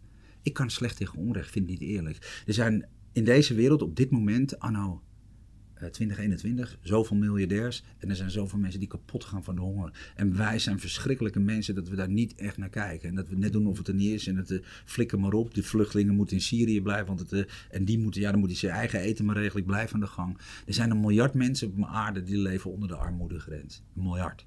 Mm Dat noemen wij westerse beschaving. We staan erbij en we kijken naar nergens. Maar een miljard gaan de dood van de honger of hebben niet te vreten. Laat staan lichte opleiding en andere faciliteiten. Die hebben niet eens kansen. Die, die zijn elke dag in de survival. Ga ik dood van de honger of niet? En er zijn 2 miljard mensen bijna op de planeet overgewicht of obese. Ja. Nou, de, de, de, hebben we het nou over gelijkheid en vrijheid? Hoe ver, we, we zijn de evolutie van 4 miljard jaar. En we staan op dit moment op, op de, hier op de planeet. En dat hebben we gerealiseerd. Nou, als ik straks in mijn kist lig, dan, dan, dan, hoop ik dat er een stukje bijdrage is geweest van mensen, netwerk, ondernemers, technologieën die alles kunnen. Dat Afrika uh, bij heeft, groene energie. We, we, gaan normaal met de oceaan en de planeet om. Mensen hebben een eerlijke kans en recht op opleiding. En dan denk ik dat de wereld er heel anders uitziet. Op een goede, eerlijke, transparante manier. En, en dat is mijn droom. En ik ben een zwever. En, en, maar, maar, ik kan echt verschil maken. Niet ik. Ik heb de mensen om me heen die dat kunnen. Ja. Ik heb, om iets heel geks te zeggen. Uh, Richard Branson is natuurlijk voor mij. Die, de, de, de, heel veel jonge mensen zeggen: Richard wie? Dat vind ik oh, opvallend. Nee, als je hem niet kent, ben je eigenlijk ook wel een beetje, nou, ja. toch? Iedereen kent hem wel. Nee, maar omdat dat is. Nee, nee, maar ja, ook heb je dus je huiswerk of niet gaan. Of ze zeggen, ja, het is een oude lul, die ken ik niet. Dan, dan draai je meteen ja. weg. Mm. Dat is vrij respectloos wat ik wel eens in de jonge generatie vind. Dat ik dan denk, ja, je mocht willen dat je hem was. nee, nee, meestal is dat een standaard ding. Want, ja, ja, oud is een sukkel. Okay. Weet zij nou? Ik hoor het ook wel eens met, ja, maar even serieus gast in jouw tijd. Ja, okay. Okay. Is ook zo. Ja. Maar nog steeds kun je ook dingen van mensen leren. Probeer nou het goede eruit te halen. De waarschuwingen mee tot je te nemen. Mm -hmm. en, en, dan kun je nog veel beter oordelen. Uh, die Richard Branson is natuurlijk een beetje... Een, een, het zijn allemaal space cowboys. Ja. Ze vliegen naar de, ze doen de gekste... Gewoon kleine jongetjes die nog dromen. En die willen hun dromen waarmaken. Maar stoppen er veel tijd en geld in. Um, ik weet dat hij dyslectisch is. Dat is ja, ook een stukje gochma waar wij het hadden over. over ja. dat jij begon erover. Die, die Jimmy Iovine. Ga de Defiant Ones kijken. Netflix. Waanzinnig. Hip-hop strikes Precies, again. Kijk hem tien keer. Ja, kijk hem tien keer. Leer. Dat, dat, zijn, de, dat zijn de echte kanonnen. Weinig opleiding van de straat. Slim en, en uh, uh, ook aparte figuren spreekt mij erg aan, maar daar kun je veel van leren. Ja. Vooral als je in die corporate wereld zit en uit de, uh, van, van zilveren bestek komt en alles mee hebt gehad Zeker. in je leven. Maar ik weet dat Richard Denton is dyslectisch. Daar ja. schrijft hij over, daar helpt hij voor. Mm. Want het heeft hem veel problemen gegeven in zijn jeugd. Ze dacht dat het een dom kind was. Of dat hij niet, niet kon opletten. Maar hij was gewoon dyslectisch. Ja. Dus ik kreeg een kans. Ik was uitgenodigd om op de Ocean Action Summit te, te, te spreken. Uh, hij had mij ergens op een congres in Londen gezien. Dan kreeg je een telefoontje. En toen zei mijn management, ja, je, je bent uitgenodigd voor een uh, Ocean Action Summit met Richard Branson. Ik zeg, ja, tuurlijk. Chick, even serieus. Ik zeg, het zal wel een van mijn vrienden zijn. Ik zeg, ik heb geen tijd voor die onze. Want ik kon dat bijna niet geloven. Ja. Want dat is een bijna een soort Dat is een- droom. dat is een droom, ja. Ja, ja. Eh, nou, het was dus echt zo. dacht ik, oh fuck. Ik werd een beetje nerveus. Eh, ik dacht bij mezelf, oké, maar ik heb één play. Hij is gek van oceanen en hij is dyslectisch. En ik kreeg waarschijnlijk twee seconden zendtijd als je die man spreekt. Ja. Ik wist niet dat je daar ook, weet ik wel. We, we hebben getennist en gefietst. Zei gegeven ja, iedereen is een Ja. beetje groepie. Die gaat met Rich, mag ik een foto? Ik ben gewoon niet zo als persoon. Ik, ik, ik, ik zou moord doen voor die foto bij wijze van spreken. Maar je doet het niet. Nee, nee, ik, ik kan dat niet zo goed. Want ik vind dat een beetje moeilijk. Ik schaam me dan. Dat is, en, en op een gegeven moment ga ik, kruip ik er toch een beetje bij. Dan heb ik ook mijn foto. ja, maar nee, nee, nee, snap je? Ik, heb, ik ben dat eh, op een manier te bescheiden voor. Maar hij zei, het gaat ook andersom. Hè. Dat krijg je ook. Die mensen hebben één groep mensen. Die, altijd groepjes. Iedereen loopt achter aan. Kan je ook dit? Wil je mijn boek tekenen? Kan, heb je nog dit? Ik heb een investering voor je. Ik blijf er een beetje weg. Dus hij heeft wie ben jij eigenlijk? Ik zeg, wat wil je weten?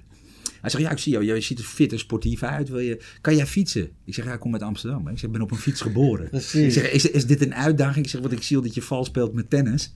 Ik zeg, ik wil heel graag winnen. Hij zegt, jij gaat mee fietsen. Ik zeg, op dit eiland? Ik zie, nee, op het andere eiland, idioot. Ik zeg, ja, ik kreeg een boot. Ik zeg, één ding, vind ik goed. Maar ik heb je met tennis zien cheaten. Ik zeg, ik wil één ding, rules of engagement. Vooraf, duidelijk, oké? Ja, ik ben zo. Ik speel dat niet. Maar ik vind dat... En hij is ook eh, een gek joch. Hij doet de gekste PR-stunts. eh, kitesurfen met vier modellen. Wil naar, de, naar Mars of de maan. Hij doet allemaal gekke dingen.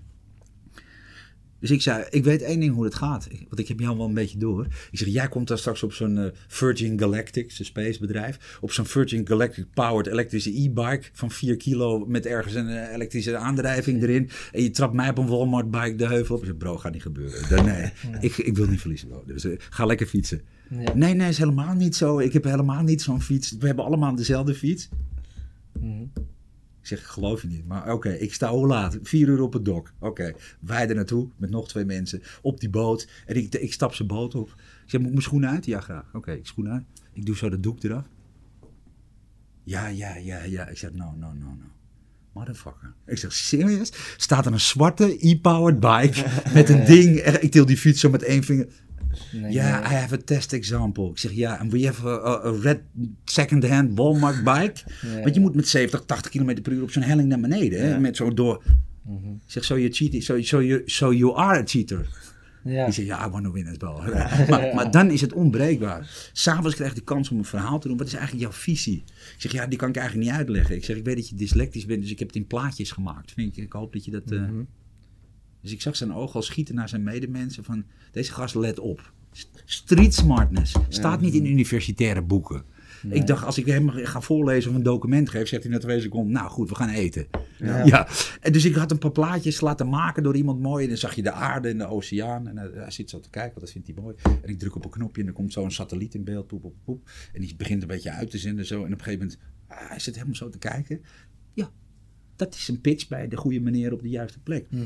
En je ziet wat vispopulatie door die satellieten. En je ziet hier een beetje ontbossing. En er komt 18% ontbossing, viskoraalriffen. Ik, eh, Dus ik zeg, ik zeg, dit is het idee. Ik ken een aantal partijen, NASA Space, Radiant Six, Space for Humanity, andere dingen. Die hebben satellieten. We kunnen van die data gebruik maken. En dan kunnen we oceanen, koraalriffen, overvissing monitoren. We kunnen ontbossen monitoren. Dus als Donald Trump zegt, valt wat mee met het Amazonegebied, zeggen wij, hier is de data. Ja. Er is weer 30% bos. Wat, doet- wat lul je nou, Shaki? Dus de, de, de- ik zei, mijn idee is triple play. The eyes are the skies are monitoring the ocean and the earth. En met z'n drieën samen kunnen we... Can we play the video again? Zeg, eh, die vraag had ik ook niet verwacht. Ik zeg, ja, oké. Dat duurde een minuut of zo. Eh, eh, eh, En, en, en, we can make this happen. Ik zeg, it's already happening. We're doing a test. I have the data for the Caribbean for you. Dus dan kon je even kijken naar... waar- en- nou, nee.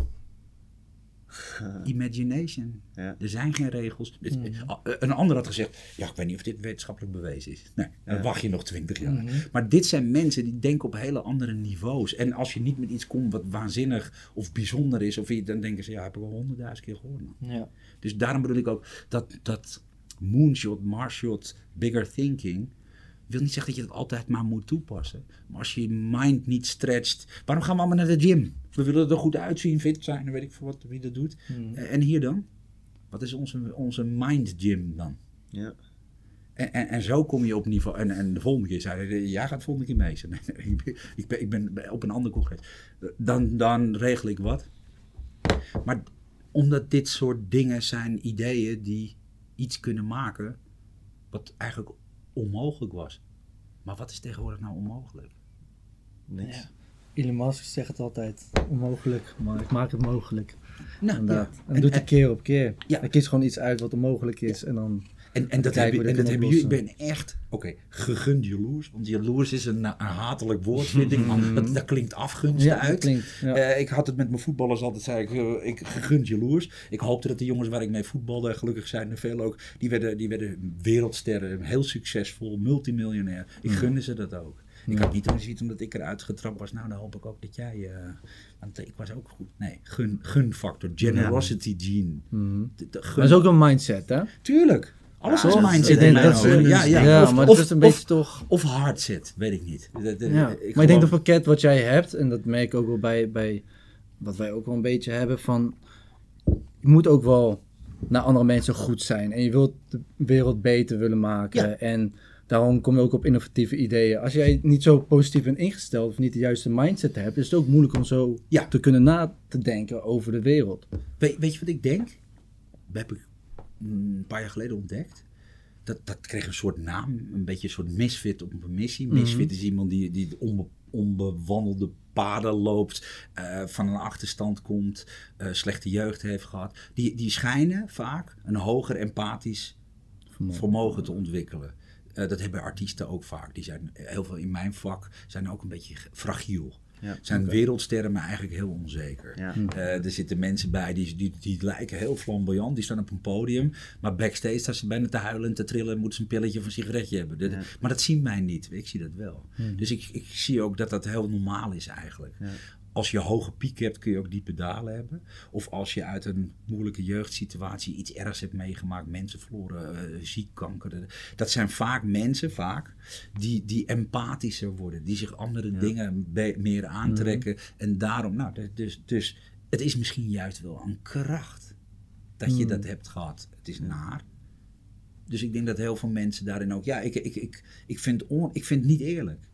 Er zitten zoveel slimme mensen in Afrika of andere delen in de wereld. Die hebben nog nooit, nog nooit een eerlijke kans gehad. Die hebben nog niet eens stromend water of te vreten, man. Er zitten misschien hele intelligente mensen bij.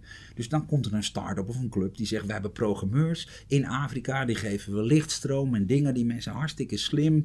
Die gaan het geld investeren om in hun eigen community mooie dingen te doen. Dus je helpt, je investeert. Eh, dat, dat er komt misschien winst uit of niet. Maar in ieder geval eh, is dat iets wat organisch kan groeien. Wat mensen recht geeft op een plek in de maatschappij. Opleiding. Die geven wel aan hun eigen community. Die gaan niet zeggen, nou ik wil Bentleys en, eh, en drie sto- stoere chick. En dan zoek je dit maar uit. Nee, maar dat zijn ook dus de mensen die niet per se willen shinen op Instagram. Maar gewoon Nee, ze- Misschien hun- over twintig jaar wel, hè? want die curve, we zijn mensen. Hè? En ik denk dat het gevaarlijk is dat mensen uiteindelijk een groot deel gaat voor egoïstisch, shine. eh, kijk mij nou. eh. Maar het internet is ook nog heel erg jong. Hè, dus misschien is dat nog wel van, oké, het is, het, is dat is zo? dat de eerste fase? ik denk van niet. Ik, denk niet dat, ik zal je een voorbeeld geven. is Ik denk- volwassen al. Nee, maar dat niet Nee, alleen. Weet je wat? nee, Nee, nee, maar daar gaat het denk ik niet om. We zitten op de verkeerde discussie, denk ik. Mensen zijn al 4 miljard jaar, of de aarde bestaat al 4 miljard jaar. Mensen bestaan al, al vele honderdduizenden jaren. Ja. En wat mij opvalt is, het is altijd een verschil. Waarom maken Kylie Jenner en Kim Kardashian bijna ruzie en gaan ze rollend over de vloer wie als eerste miljardair is? Kylie Jenner liegt erover, Forbes schrijft dan the world's first social media billionaire, maar ze had alleen 350 miljoen gejokt. En nu is Kim het wel. Ik zei tegen Forbes, heb je dit keer wel goed gezo- uitgezocht? Vorige keer zat je 350 miljoen naast, hè, idioten. Voordat je wat schrijft, check het even. Maar, maar, maar waarom? Waarom is dat zo belangrijk? Status onderling. De Als apenrots. de apenrots. En als Kylie Jenner vervolgens een post doet voor iemand die iets ergs heeft... of geld moet ophalen voor iemand die geopereerd moet worden of iets anders... doet ze crowdfunding. Ja. Als je dan zo graag biljardair wil zijn, Cristiano Ronaldo legt gewoon het geld neer. Die gaat naar die jongen toe in het ziekenhuis. Die zorgt dat hij een hersenoperatie krijgt. Die denkt, dat kan ik makkelijk missen. Nee, mevrouw Kylie niet. Want die liegt over dat ze... Maar als je dat wil worden, ook goed. En eh, ik snap dat er mensen zijn die zeggen, ja nou, wil ik ook. Nou, Ja. veel succes. Maar ik denk dat we daarom nu zit wel een eh, echt al, eh, dus, eh, Ja? generatie zitten waarin het wel beter wordt. Omdat we in de generatie met internet zijn opgegroeid. Ik denk dat het veel weten we erger wat de wordt nog. verkeerde Ik denk kant dat het is. erger wordt, man. Ik denk dat- Kids Denk en je? zo, die hebben een heel vertekend... Ja. Kids, Ja. luister, zelfmoord onder 13 tot 15-jarigen bestond bijna niet Nee, heel voordat zeldzaam. het internet er was. Ja, als dat- je kijkt naar die wel. cijfers en naar de komst van social media, zie je Ja. dat dat ontploft. En dat is al... Maar- maar- maar dat waar zegt je- al bijna Maar dat is logisch, omdat je nooit een... Normaal was je op school en toen kwam je thuis en dan stond het uit, zeg maar. Nee, maar dat was klaar. maar en gaat nu het staat het constant aan. Maar gaat het daarom? Dus het betekent eigenlijk dat, dat we in een nieuwe wereld niet om kunnen gaan met dingen die constant aanstaan. Dat is denk ik een Ik denk probleem. dat de apenrots groter De apenrots is groter geworden. We zijn op heel veel manieren veel sneller. We willen maar weer... Kijk, eh, heel normaal is voor heel veel mensen...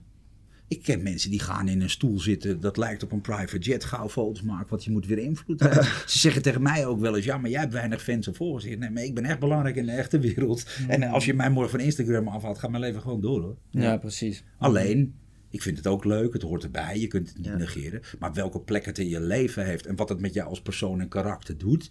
Al zit ik honderd jaar op social media. Ik zal nooit zo'n monster worden als Kylie Jenner, die, die er geen moer om geeft wat de anderen doen. Meer, meer, meer, meer, meer. Mhm. En erover opscheppen en het laten zien. Dat mag, maar ik ben niet zo. Nee. En heel veel mensen zijn gelukkig niet zo. Maar er zijn er ook heel veel die worden gek gemaakt. Willen influencer worden of die, die, die, die, die zijn fitnessmodel in Dubai. Ja, ze doen daar net iets anders. Maar, ja, ja, nee, nee, maar ik bedoel, hit and run. Korte termijn komt later altijd als een boemerang bij je terug. En hard. Mhm. Behalve als je een miljard hebt, dan kan niemand je meer raken en dan ben je goed.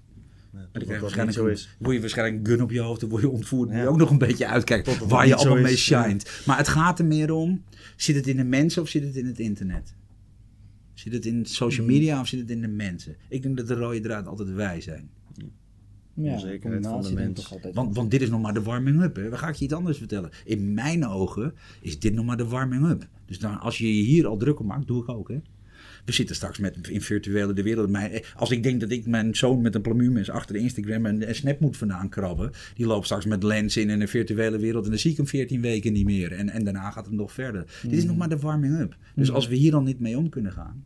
De metaverse, virtuele wereld. De Travis Scott in Fortnite doet eh, 30 miljoen kijkers. Dat is nog maar de warming-up. Moet je kijken wat er straks gebeurt. We denken allemaal dat het maar over een scherm gaat. Ik denk dat dat is ook maar fase jaar weg is. 1.0 man. Dat is gewoon... Ja, eh, het zit het in mijn ogen met de contactlens en dan knipper ik met mijn ogen. En dan, of ik stap een virtuele wereld in. eh, Ready Player One gekeken. Nee, nog niet. Doen, Nee, ja. doen, doen. Ik zeg tegen mensen al, als je de toekomst wil zien, heb je mij niet nodig. Kijk, 10 sci-fi films. Ja. Ah, AI erin, dat erin, dat erin. Maak je eigen Wikipedia-pagina van over 5 jaar, 10 jaar, 15 jaar, 20 jaar. Ik werk niet met mensen als ze niet een eigen Wikipedia-pagina hebben. Daar begin ik mee. En dan mag je over nadenken, wil je erbij helpen? Wie ben je over 5 of 10 jaar? Ja. En waarom? En over 10 en 20 jaar, dat zien we dan later. Maar als je geen blauwdruk hebt van wie je wil worden en waarom, dan doe je dus maar wat. Mhm. En dan weet je ook niet waar je eindigt. Ja, maar dat weet je nooit. Dat moet je nog maar ontdekken. Ja, Maar je maar, je, je hebt wel een richting waar je naartoe wilt Nou, gaan. nee, dat, dat is belangrijk. denk Ja. ik. En waarom die richting? Mhm.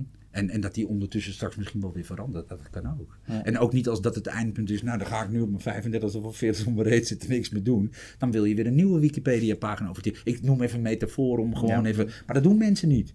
Waarom niet? Het is een heel simpel idee. Maak het en doe het. En ga voor jezelf eens kijken en ga ze invullen. Wat wil je nou dat er over tien jaar over jou gezegd Waar wil je dan staan? Zou ik mee beginnen? Ja, Goeie. inderdaad. Ik denk... eh, Dus dat is een kleine is, opdracht, eh, denk ik ook. Voor Ja, ja, Ja, leuk. Maar, maar, maar, hoe, af met die hoe fucking inderdaad. leuk is het? Maar dan wil ik hem zien ook. Ja, Ja. Dat is hartstikke leuk. Ja. Ik maak hem ook, hè? ja. Dus dat is de uitdaging in deze aflevering. Ja. Ga voor jezelf een Wikipedia-pagina Ja. maken voor over eh, 10 10, jaar? 15 of, jaar. Ja, niet, zo ver, niet te ver. 5 jaar. 10, 5 of 10 jaar. Ja, vijf zelf of tien bepalen. jaar. Ja, ja. En eh, stuur die even ons in het DM. eh Ja. Stuur die naar Igor. Igor kan je ook vinden. Zeg Vet. dat je de podcast hebt geluisterd en eh, dat dit jouw eh 10-jarenplan is. En eh, onthoud, het plan kan niet fout zijn. Het Bestaat is namelijk niet. jouw plan, Nee, dus dat ja. bestaat niet. Ja.